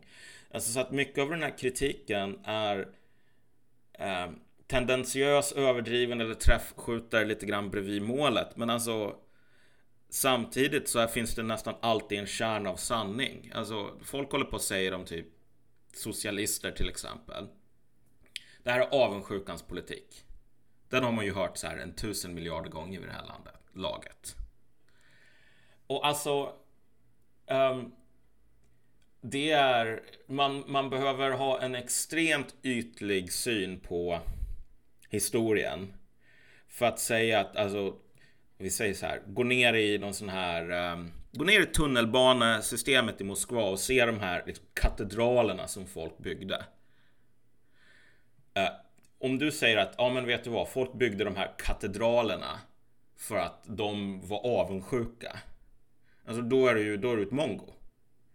Folk bygger inte sådana där saker för att de är avundsjuka utan de bygger det för att kolla, vi står på spjutspetsen av historien i en ny historisk epok. Så här. Men å andra sidan, om du träffar många sådana här socialister idag, alltså det är ju så himla tydligt att de är avundsjuka och att de behöver det här. Det ska inte finnas några skillnader, det ska vara equality of outcome, etc. etc. Därför att det är ett så enkelt alternativ till att faktiskt leva. Och eh, liksom rent personligen så kan jag ju ta det här exemplet. En, en bekant som jag inte pratar med nu för tiden på grund av att jag är en hemsk fascist. Men hans grej är ju typ att man borde förbjuda gympa på uh, i skolan. Och varför ska man förbjuda gympa kan man ju fråga sig. Och då är ju svaret så här, nej men om man har gympa då kommer vissa av barnen att inse att de är långsamma och feta och andra kommer att typ inse att de gillar att hålla på och springa runt och så kommer de att vara smart eller snabba och typ starka. Så att om du har gympa så kommer det att ske en sån här skiktning av människor i bra och dåliga. Därför måste man förbjuda barn för att röra sig. Det där är, alltså det där är dödsdrift. Det där är alltså raka motsatsen till i alla fall Marx. Och det där är ju då alltså motsatsen till att bejaka potentialen. Ja, exakt. Människa. Istället för att säga ja men du är fet, vad bra, här har du möjlighet att gå ner i vikt och komma i form. Eh, precis som alla andra, så att du kan må bättre. Att man liksom har den inställningen så säger man eh, så ser man det som, som ett sätt att typ så här skämma ut människor som är lite sämre på någonting. Ja, men eh. alltså, men det är samtidigt så här att kolla. jag har ju själv varit fet och en av, jag var en av de här ungarna som liksom, du vet, om, om gympan identifierar liksom vilket läger man tillhör. Jag tillhörde lägret långsamma och feta unga kan jag ju säga. Eh, och sen när jag var liksom 22 eller 23 så tröttnade jag på det där och så började jag träna sex dagar i veckan eller någonting. Och du vet du vad? Det är jobbigt att träna sex dagar i veckan. Eh, speciellt om man nu inte har gjort det tidigare och, och, man inte haft ett intresse i det så att man får, man inte ens tänker på att man tränar. Alltså det gör ont, det är svettigt, bla bla bla. Men alltså att saker och ting gör ont och att de är svettiga, det är också en del av den alltså, mänskliga erfarenheten. Det är en del av att vara människa att svettas och ha ont. Och det intressanta här är ju att alltså ganska många av, av det här, alltså verkligen bottenskrapet som finns kvar idag, liksom det här skummet i, i, i botten på flaskan typ av socialismen. De människorna är ju så här, de är inte livsbejakande utan de är dödsbejakande. De säger så här, idealet vore ju om ingen behövde svettas eller ha ont. Marx skulle säga, okej okay, men vet du vad? Du, du drömmer alltså om att typ krypa in i livmodern igen. Eller du drömmer kanske om att vara det här grisen i någon sån här köttfarm som föds in i någon sån här bur så att den inte ska kunna springa runt och skada sig själv. Och så håller man på att sondmata den här grisen så att den bara, ja, när den ska växa till sig. Och det där är en säker existens. Men det är fan inte en mänsklig existens. Det är inte ett liv. Det är bara, alltså det är eh, någonting värre än slaveri.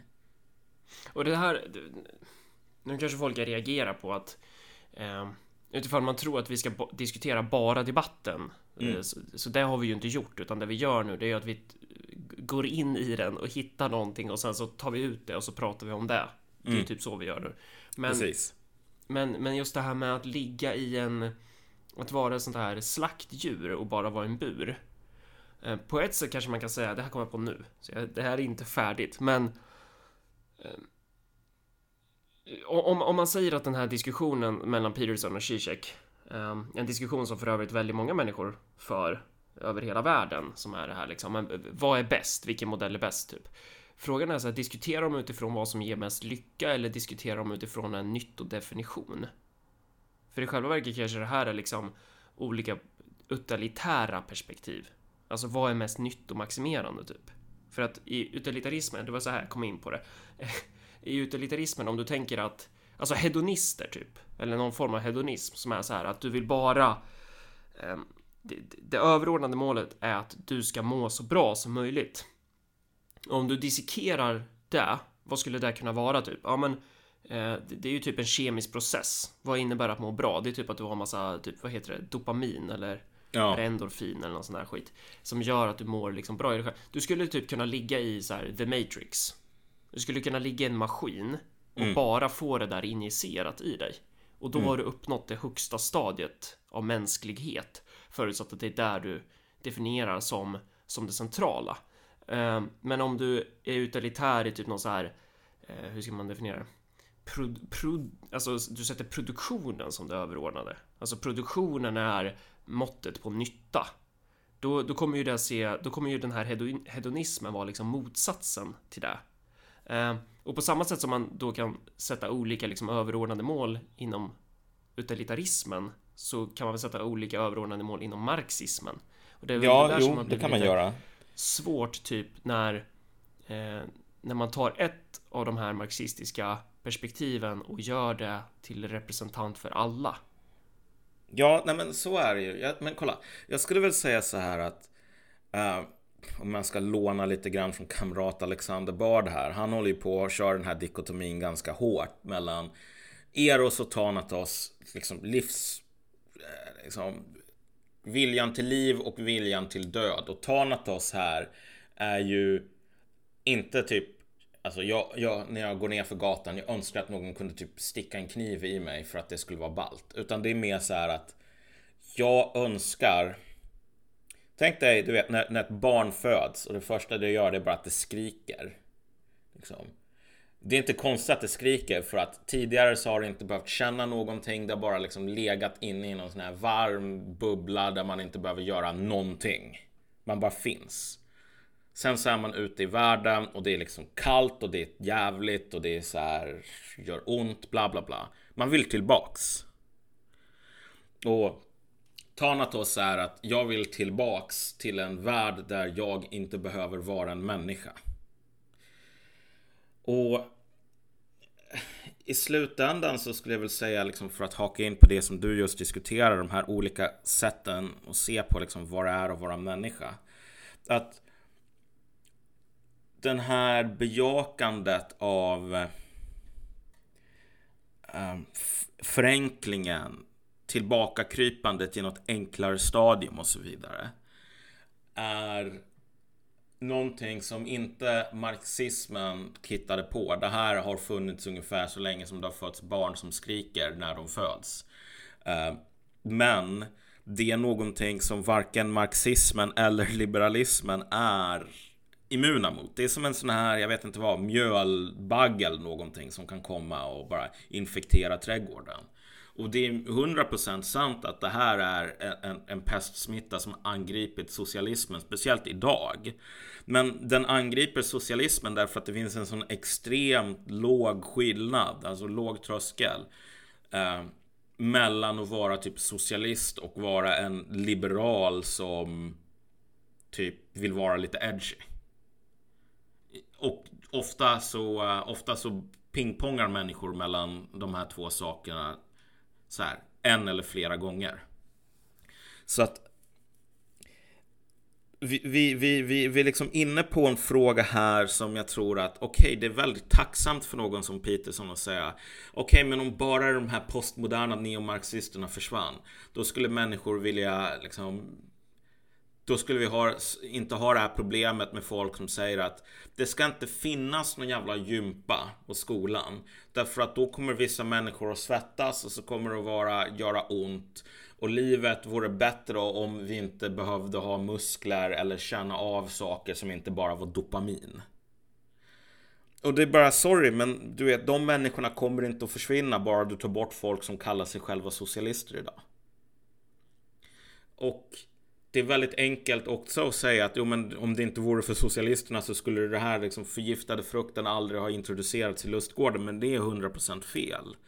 Och det är väldigt dumt på grund av att om man läser Marx till exempel.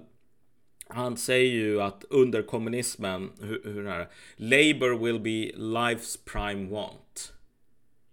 Vi kommer inte att jobba för att överleva. Vi kommer att leva för att jobba. Okej, okay, men typ vänstern idag är uh, vi måste uppfinna robotar så att ingen behöver jobba längre. Inte hur kan vi göra jobb till någonting som är fritt från alienering utan snarare hur kan vi undvika den här saken som är inherent i att leva i det här universumet som vi lever i. Och för att om man återgår till gymnastiklektionen då så vänstern idag är så här hur kan vi undvika att ha gympa? Hur kan robotar ha gympa åt oss? Mm. Medan det ursprungliga marxistiska perspektivet är snarare hur kan vi hur kan vi på bästa sätt ha gympa? Och hur kan vi på bästa sätt få ut någonting av det? Typ. Ja, alltså då, här kan man koppla till hur de gamla grekerna såg på människor och liksom såg på vad det var att vara människa. Typ att vara människa var en jävla tävlan. Hallå? Hallå? Hallå? Hallå? Nu, nu hör jag dig. Det var, det var, ja, det var någon jävla 031 nummer som ringde. Vi får se om de ringer igen. Säkert någon försäljare eller någonting. Ja, ja. nej. Jag tänkte bara säga så här, plocka upp den här tråden att de gamla grekerna såg ju på att vara människa som att vara fast i en så här konstant tävlan. Eh, det var därför de hade tävlingar om typ nästan vad som helst. Typ rida häststridsvagn, lyfta den här stenen, jag vet inte vad, göra kullerbyttor, whatever. Vad, vad som än fanns kunde man göra det till en tävling. Det var tävlingar mellan olika människor självklart. Men alltså om du var en så 65-årig pensionär det var ingen som sa, men du är en 65-årig pensionär, du ska inte hålla på och tävla och springa längre. Utan man skulle tävla och springa. Alla fattar ju att 65-åriga pensionärer kan inte vinna mot så 18-åriga pojkspolingar när det gäller att springa. Men det är inget problem, därför att du, den du tävlar mot är i slutändan dig själv. Du måste bli så maximalt kapabel som du kan bli. Alla fattar att, okej, okay, om du, eh, om du är en vanlig person. Alltså det är totalt du kommer aldrig att klå Hercules. Det går inte att klå Hercules för att Hercules är Hercules. Men Hercules tävlar mot Hercules. Och du tävlar mot dig själv. Och det faktum att alltså, ni två existerar i olika universum i princip när det gäller att spöa folk. Okej, okay, men du vet världen är orättvis, whatever, sluta lipa om det. Så här, du är en bra människa, inte om du är bättre än Hercules, utan om du är liksom maximerar din egen potential. Medans om du maximerar din egen potential och Hercules bara ligger och typ super runt och knullar runt eh, och aldrig försöker bli bättre och sen så spöar han alla, inklusive dig, för att han är fucking Hercules. Okej, okay, men han är en sämre människa än vad du är i slutändan. Liksom så såg man på, på, på livet och det är en väldigt annorlunda syn än vad vi har idag. Men, men poängen är väl att Marx ganska mycket, han lutar mycket mer åt det hållet. Att så här, vi, vi behöver vi behöver eh, krossa kapitalismen, ta bort alieneringen och så vidare för det är då som människor kan maximera sin potential.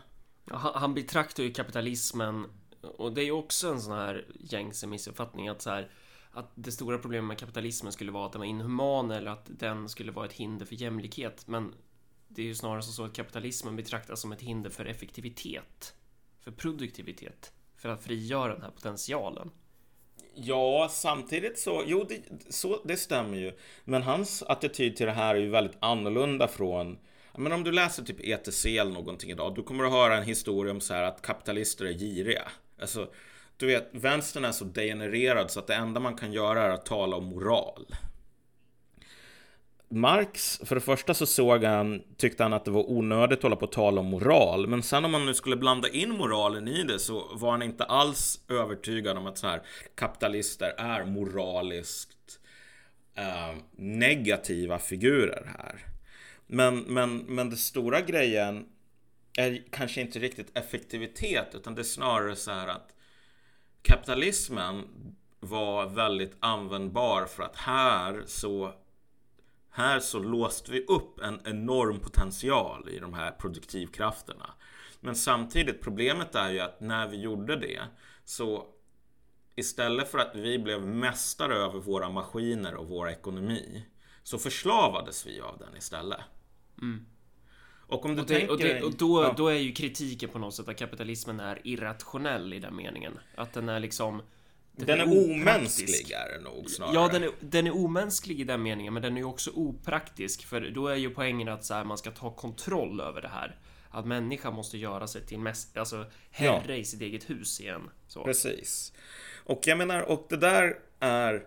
Det där är en kritik av kapitalism som jag tycker att... Jag menar, om man, om man nu släpper den här, oh, du marxister är så jävla dumma i huvudet, bla bla bla liksom. Man släpper det en sekund och så tänker man något Steven Bannon. Um, och de som, hans föregångare, till Pat Buchanan och en del andra som jag inte kommer ihåg namnet på. Alltså den här högern som håller på att tala om ekonomisk nationalism. Vad är det som de säger om man verkligen ska hårdra det? Det är att de säger att vi lever nu i ett helt sjukt system där du har amerikanska eller svenska eller franska politiker som säger Nej, vet du vad? Vi måste helt enkelt liksom ha de här svältande pensionärerna för att det är rationellt. Ekonomin ser ut så. Vänta en sekund nu. Vadå ekonomin ser ut så? Jag har aldrig träffat ekonomin. Ekonomin är inte en person. Det är inte en, en, en Eh, en ras av aliens som typ har ockuperat planeten och skickar ner order. Ekonomin är någonting som människan har skapat. Vem är det egentligen som säger till den amerikanska presidenten att nej men sorry, vi måste liksom, halva landet måste dö. Eh, det är ju bara nonsens att man inte som, som politiker har ett val eller som människa har ett val. Eh, ett val som går ut på hur ska ekonomin se ut och vem ska den vara till för? Och vad Bannons kritik är och många med honom från högern är så här att vi har ju glömt den läxan. Istället för att säga att ekonomin, den amerikanska ekonomin är någonting som är till för amerikaner. Och om den inte är till för amerikaner, då är det fan dags att fundera på varför den inte är det och hur man kan få den att vara det igen. Um, det här är i princip samma kritik som Marx har mot kapitalismen i stort. I slutändan, eh, vi har de här produktionsprocesserna som är extremt e- effektiva och så vidare, men utan att vi märker det så är det så att istället för att maskinerna blir en sorts verktyg för människan att förbättra sin vardag så blir människan till slut en blindtarm som existerar för att trycka på en knapp i en maskin i ett produktionsled. Och ingen människa vet längre varför man har de här sakerna och liksom för vems nytta de är. De gör det men de vet inte varför de gör det. Exakt. Um, så, så jag menar, kolla, liksom, den konservativa, no, någon sa till mig så här att, att det, det, är intressant att om man ser till historien så den konservativa kritiken, eller konservativa marxister brukar komma någorlunda bra överens historiskt. Um, och det är ju på grund av att, jag menar den konservativa kritiken i, i någon mån, i alla fall liksom 1800-talet. Är det jag som har sagt det här? Att den konservativa kritiken är av värderingsmässig basis typ. Att kapitalismen förstör värdena. Ja, alltså, alltså jo, det, ja, det gör den. så, så ser ju kritiken ut, men den, den ställer ja. också den här frågan med Okej, okay, men du säger att det här behövs. Eller att alltså, vi måste liksom, vi måste ha den här nya ekonomin. Ja, men vem säger det? Vem säger egentligen att vi måste ha den här nya ekonomin? Vem säger egentligen att hela Sveriges landsbygd måste dö?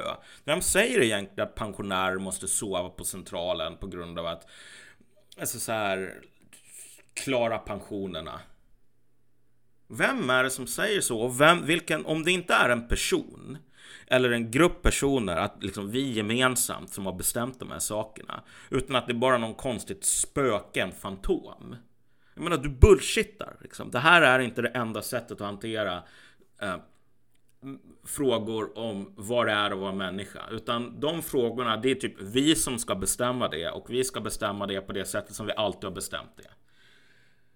Eh, och som sagt, Marx vill ju, han, han angriper det där problemet från andra sidan. Att nej, vi ska inte stanna kvar, vi ska liksom gå igenom, vi ska komma ut på andra sidan på något plan. Eh, men men återigen. Den här... Det är i slutändan liksom det här genomgående problemet som jag tycker blev väldigt tydligt i Zizek mot Peterson att så här, um, det finns massor med, eller det finns en del sådana här konstiga marxister som du och jag och Zizek, inga jämförelser i övrigt som folk hela tiden har den här Men hur kan ni vara marxister? För jag har hört att det handlar om att alla ska dela på samma tandborste. Och bara nej, det är inte riktigt så enkelt faktiskt.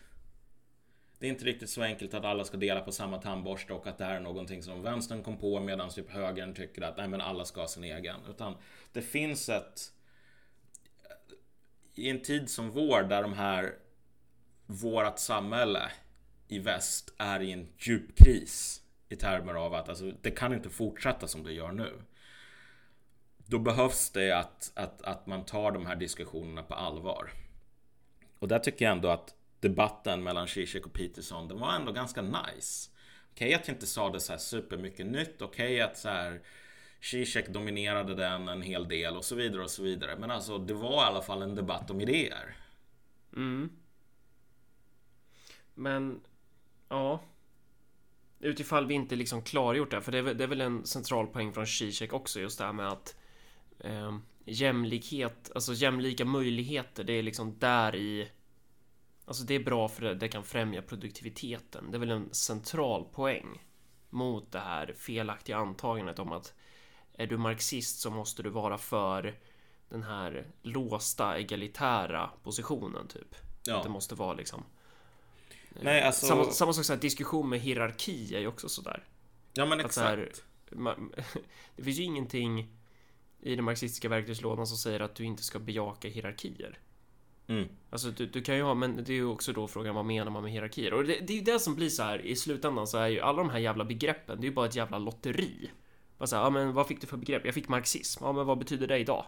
Vilken lottorad innebär det idag? Vad är det för definition idag typ? Mm. Att det, det, det kan, marxism kan ju betyda så jävla mycket och det är ju där som är blir så dåligt typ. Också li liberal, så här, när vi säger så här, det här är liberaler. Mm. Eh, så här, Peterson är liberal, blåhåren är liberala. Så här, fattar du hur många människor vi har kastat eh, den liberala stämpeln på? Mm. Det blir ju så här, det blir väldigt förvirrat. Också, också det här, vårt egna jävla begrepp, det här transferiat. Alltså, bara den grejen har vi ju har vi ju liksom tryckt in flera innebörder i. Dels det här migrantskiktet som är beroende av bidrag typ och som står utanför produktionsprocessen i den meningen. Eh, samt eh, mellanskikt som, mm. eh, som jobbar som, som på ett sätt kan man säga säljer sitt arbete till staten mm. och får liksom livnär sig på skattemedel den vägen. Och det är ju två helt, alltså det är kvalitativt olika saker. Ja, precis. Eh, och det är ju det där som blir att de här diskussionerna blir så jävla, jag vet inte. Och jag, jag vet inte om vi gör saker och ting lättare med det här avsnittet, men, men eh, någonting får väl ut av det, tänker jag.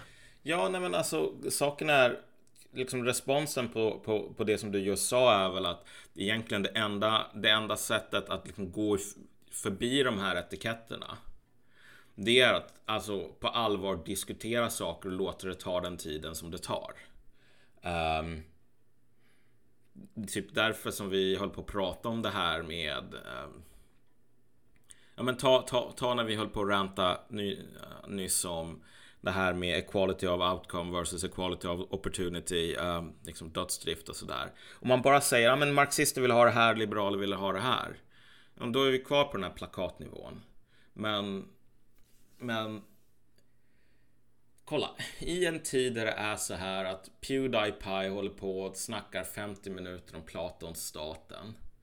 Det är ganska tydligt att det går att ha de här längre diskussionerna. Så att alltså, det är inte bara i termer av så symboler utan att det blir okej, okay, men nu behöver jag fundera på vad det är jag menar och liksom vad det här betyder och så vidare.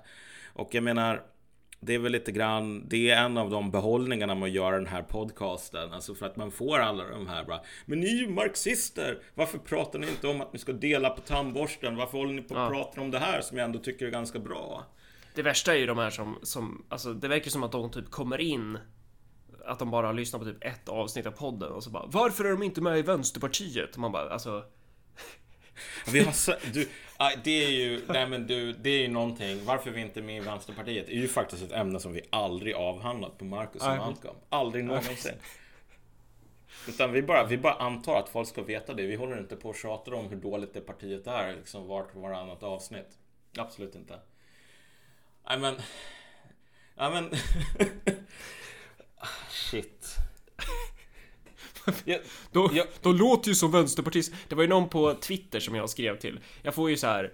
Alltså jag skriker ju rakt ut när jag kollar Twitter ibland. Det är ju asnice att folk gillar, gillar dig och mig. Eh, och man kan ju läsa typ så här, det var någon som hade skrivit om eh, att Marco Schiune, han är jävligt vettig. Han är en vettig person i V, punkt. Och så skrev jag typ, alltså han, inte, han har aldrig varit med i Vänsterpartiet. Och då, då svarade den personen lite halv. Det var lite som att han ändå tyckte att jo, men han är, han, han är betraktad som vänsterpartist. Fast en vettig vänsterpartist. Och han menar ju väl. Det blir lite som så här när min mormor typ sa om eh, så här eh, mörkhyade personer inom hemtjänsten bara. Att, ja, den här negern som kommer in och hjälper mig. Han är så snäll. Han är så trevlig. Alltså hon menar ju väl. Ja. Men begreppet blir ju, det blir fel liksom. Ja, det blir lite fel, men vad fan kan man, det, är så här, det får man ha överseende med. Men jag tänker bara så här att det var någon annan som sa att alltså det är ju så himla hycklande um, därför att Malcolm och Marcus och Malcolm de är del av det här Swish-transferiatet. Det är bara um, Okej, okay. poängen med transferiat är ju så här att ehm, du vet staten samlar in pengar med tvång, det vill säga skatt och distribuera det till människor som inte klarar sig utan att få pengar genom tvång. Medan så här, Swish är fortfarande frivilligt. Så liksom okej, okay, du har inte riktigt förstått marxism eller materialism överhuvudtaget. Förstått men, definitionen av transferiatet är ju där man ska... Ja, nej men det, dels det också, men liksom, du ja. vet. Om man är en marxist, då förstår man att alltså, sättet som folk uh, reproducerar sig själva, om de gör det genom att slå en person i huvudet med en hillebard eller om de gör det genom att inte slå en person i huvudet med en hillebard. Det är liksom kritisk skillnad. Liksom. Den mest kritiska skillnaden typ. Uh, men sen så bara, men och, och de, de håller på och hycklar på grund av att de, de, de vill ju inte erkänna att så här, det som man ska ha eh, Majoriteten av de som lyssnar på Marcus och Malcolm skulle tjäna på alltså högre skatt. Vi måste ha högre skatter. Och vilka är det som är för högre skatter? Vänsterpartiet. Så de, de, de, de, de bedrar folk när de säger att man inte ska rösta på Vänsterpartiet. Och det är bara så här newsflash. Om den högre skatten går till typ betala ut CSN-bidrag till folk som um, ska åka till någon madrassa i Saudiarabien. Då kanske vi borde ha fan lägre skatt alltså. Det är bara, eh, eh, här har jag liksom big think mode här. Men om de här skattepengarna går till typ islamism. Då borde de sluta gå till islamism. Och så borde man kanske ta de här skattepengarna som blir över. Antingen så låter man folk behålla dem eller så sätter man dem i saker som folk vill ha. Så om idén är att vi ska höja skatten så att fler islamister kan åka till Saudiarabien. Jag är jävligt osäker på om det finns ett objektivt intresse i, liksom, hos lyssnare på Marcus och Malcolm och i det där. Men det är också den här verkligen eh, plakatpolitiken, typ hög skatt, likhetstecken bra. Det beror på vem det är som betalar den och vad man får ut av den. Det borde ju inte vara en komplicerad poäng, men den är för komplicerad för vissa. Ja men det är ju återigen det här när man har bestämt sig för att ja, men jag är, alltså, jag är det här snarare än jag vill göra det här. Alltså att, att man ska vara Ja, det blir lite som i World of Warcraft eller i något fantasy-spel att så här, en, en dvärg är liksom en bestämd form. Dvärgar är till naturen. Alla dvärgar är liksom giriga, de vill bara gräva i berget och de muttrar och de hatar alver typ. Att det är så här, marxister måste vara för hög skatt. Eh, typ att alla ska dela på tandborsten och sådär. Att, att det är någon så här, när man ska spela den här rollen i det här manuset. Men, men fan, det känns som, har vi Ja, vi har sagt någonting nu i alla fall utifrån den här debatten så har vi haft någon diskussion om, om det som trillar ner i huvudet på oss. Ja, men precis. Och ja. vi kommer väl att återkomma till en del av de teman som vi eh, ja, för, för det här var ju skit. Alltså, på ett sätt, alltså, jag säger ju inte att vi inte har gjort ett avsnitt, det har vi gjort, men, men resonemangen är ju inte färdiga. Nej, nej men, men se, det, se det som en så förberedande diskussion inför det här avsnittet om, om kommunism egentligen. Det är en aperitif. Ja, men precis. Därför att här har vi ju... Det var en av de sakerna som Jordan Peterson mot Slavoj Zizek satte fingret på. Att alltså, det behövs ju verkligen en diskussion om vad de här sakerna betyder idag. Mm. Och, och en, en, till grej som är intressant är alla som är besvikna på den här diskussionen. För att de, de förväntar sig ju De förväntar sig ju de här färdiga modellerna. De vill ju ha svar på de här frågorna som kanske egentligen är fel frågor. Ja, ja men de ville se antingen att Zizek skulle äga Peterson eller att Peterson skulle äga Zizek. I någon sån här eh, SVT-debatt. Istället så blev det ett dialektiskt samtal. Um, men grejen är att alltså de här positionerna är inte i stånd att hålla på och äga varandra. Därför att vi lever i en tid där gamla politiska säkerheterna har kollapsat. Ehm, om du är seriös politiskt idag då sitter du inte och så letar du efter tillfällen att hålla på och äga andra människor i någon sån där med, med lagtröjor du har identifierat sedan tidigare. Du håller på och vänder blicken mer inåt och funderar vad är det som vi håller på med? Vad det är som vi är? Och vi försöker göra det i Marcus och Malcolm. Gå in på typ någon sån här amerikansk konservativ journal och det enda de håller på med det är att liksom stirra sig själva i spegeln och liksom vad är vi för någonting? Och vad håller vi på med? Vad borde vi hålla på med? De håller inte på och säger de här kommunisterna, vad finns de idag? Vad finns det kommunister? Vi ska spöa kommunister för vi är konservativa. Alla fattar att det där modellen är död. Trump slog ihjäl det. Och det är tur att han gjorde det, inser väldigt många. Därför att det var den där epoken behövde dö. Den där visionen av konservatism behövde dö. Nu behöver man hitta på vad, eller komma på vad man är istället. Om du är seriös idag, lägg din tid på att försöka komma på vad det är du faktiskt är. Därför att de här gamla lagtröjorna, de kommer inte att hjälpa dig så jävla mycket. Ehm, och ja, det är ju dumt av oss att säga det i och för sig när vi fortfarande envisas med att kalla oss kommunister. Men det finns skäl till, till att vi ändå envisas med att kalla oss det. Ja, men det, och kommunism är inte tillräckligt begrepp. Alltså, vi är ju... nu inser jag typ alla, alla begrepp som kan användas för att beskriva oss är ju typ bara skällsord. Att det är Ja. så här, vi är ju nationalister i någon mening. Vi är ju Exakt. populister i en annan mening. Och vi är ju marxister och kommunister. Det är ju så här, ja. Ja, men det, det är så här bingo över vad dagens vänster hatar. Ja, men det är också typ, typ man sitter på en fin middag typ. Och så, och så är det någon som säger ja, han där borta är kommunist. Och så kan man liksom bara förklara. Nej, nej, nej, alltså ni, ni behöver inte bli oroliga. Alltså jag är också nationalist och populist. Så det är liksom... Ja, men precis. Så det är safe. Det är säker bettan alltså. Det, det är Ja. så här. ah. ja, nej. Nej men alltså, men vad fan du. Wear it like armor and it can never be used to hurt you som, som den här jävla dvärgen säger. Alltså fy fan vad dåligt Game of Thrones har blivit. Har du kollat de senaste avsnitten eller? Jag slutar kolla säsong 3 eller någonting. Ja, idiot. Men Eh, alltså, vad, vad det är det som är dåligt? Nej men alltså, han, författaren, eh, han är ju det som min pappa skulle definiera som en mörjkuk, alltså någon som är jävligt seg. Eh, och han, han har ju bara skrivit fem böcker på typ, hur, lång tid har han haft på sig? 150 år. Och sen så, eftersom han inte skrivit klart sjätte och sjunde boken, så har ju Hollywood eh, kört ja, på egen hand nu. Och det, det har ju blivit så här, det har blivit typ dålig action-buskis med Disney-repliker typ. Alltså, Ja. jag, jag blir så jävla arg när jag kollar på Game of Thrones nu. Det är bara så här. Tänk dig en femåring som ska göra sprängeffekter med munnen. Typ så. Alltså det... Nej, det är så jävla dåligt där. Det är typ så här drak... Alltså... Nej. Fan! Fan vad dåligt det har blivit. Och alla ni som tycker att Game of Thrones är bra, ni är dumma i huvudet. Så det... Ja, alltså jag hör verkligen bitterheten här.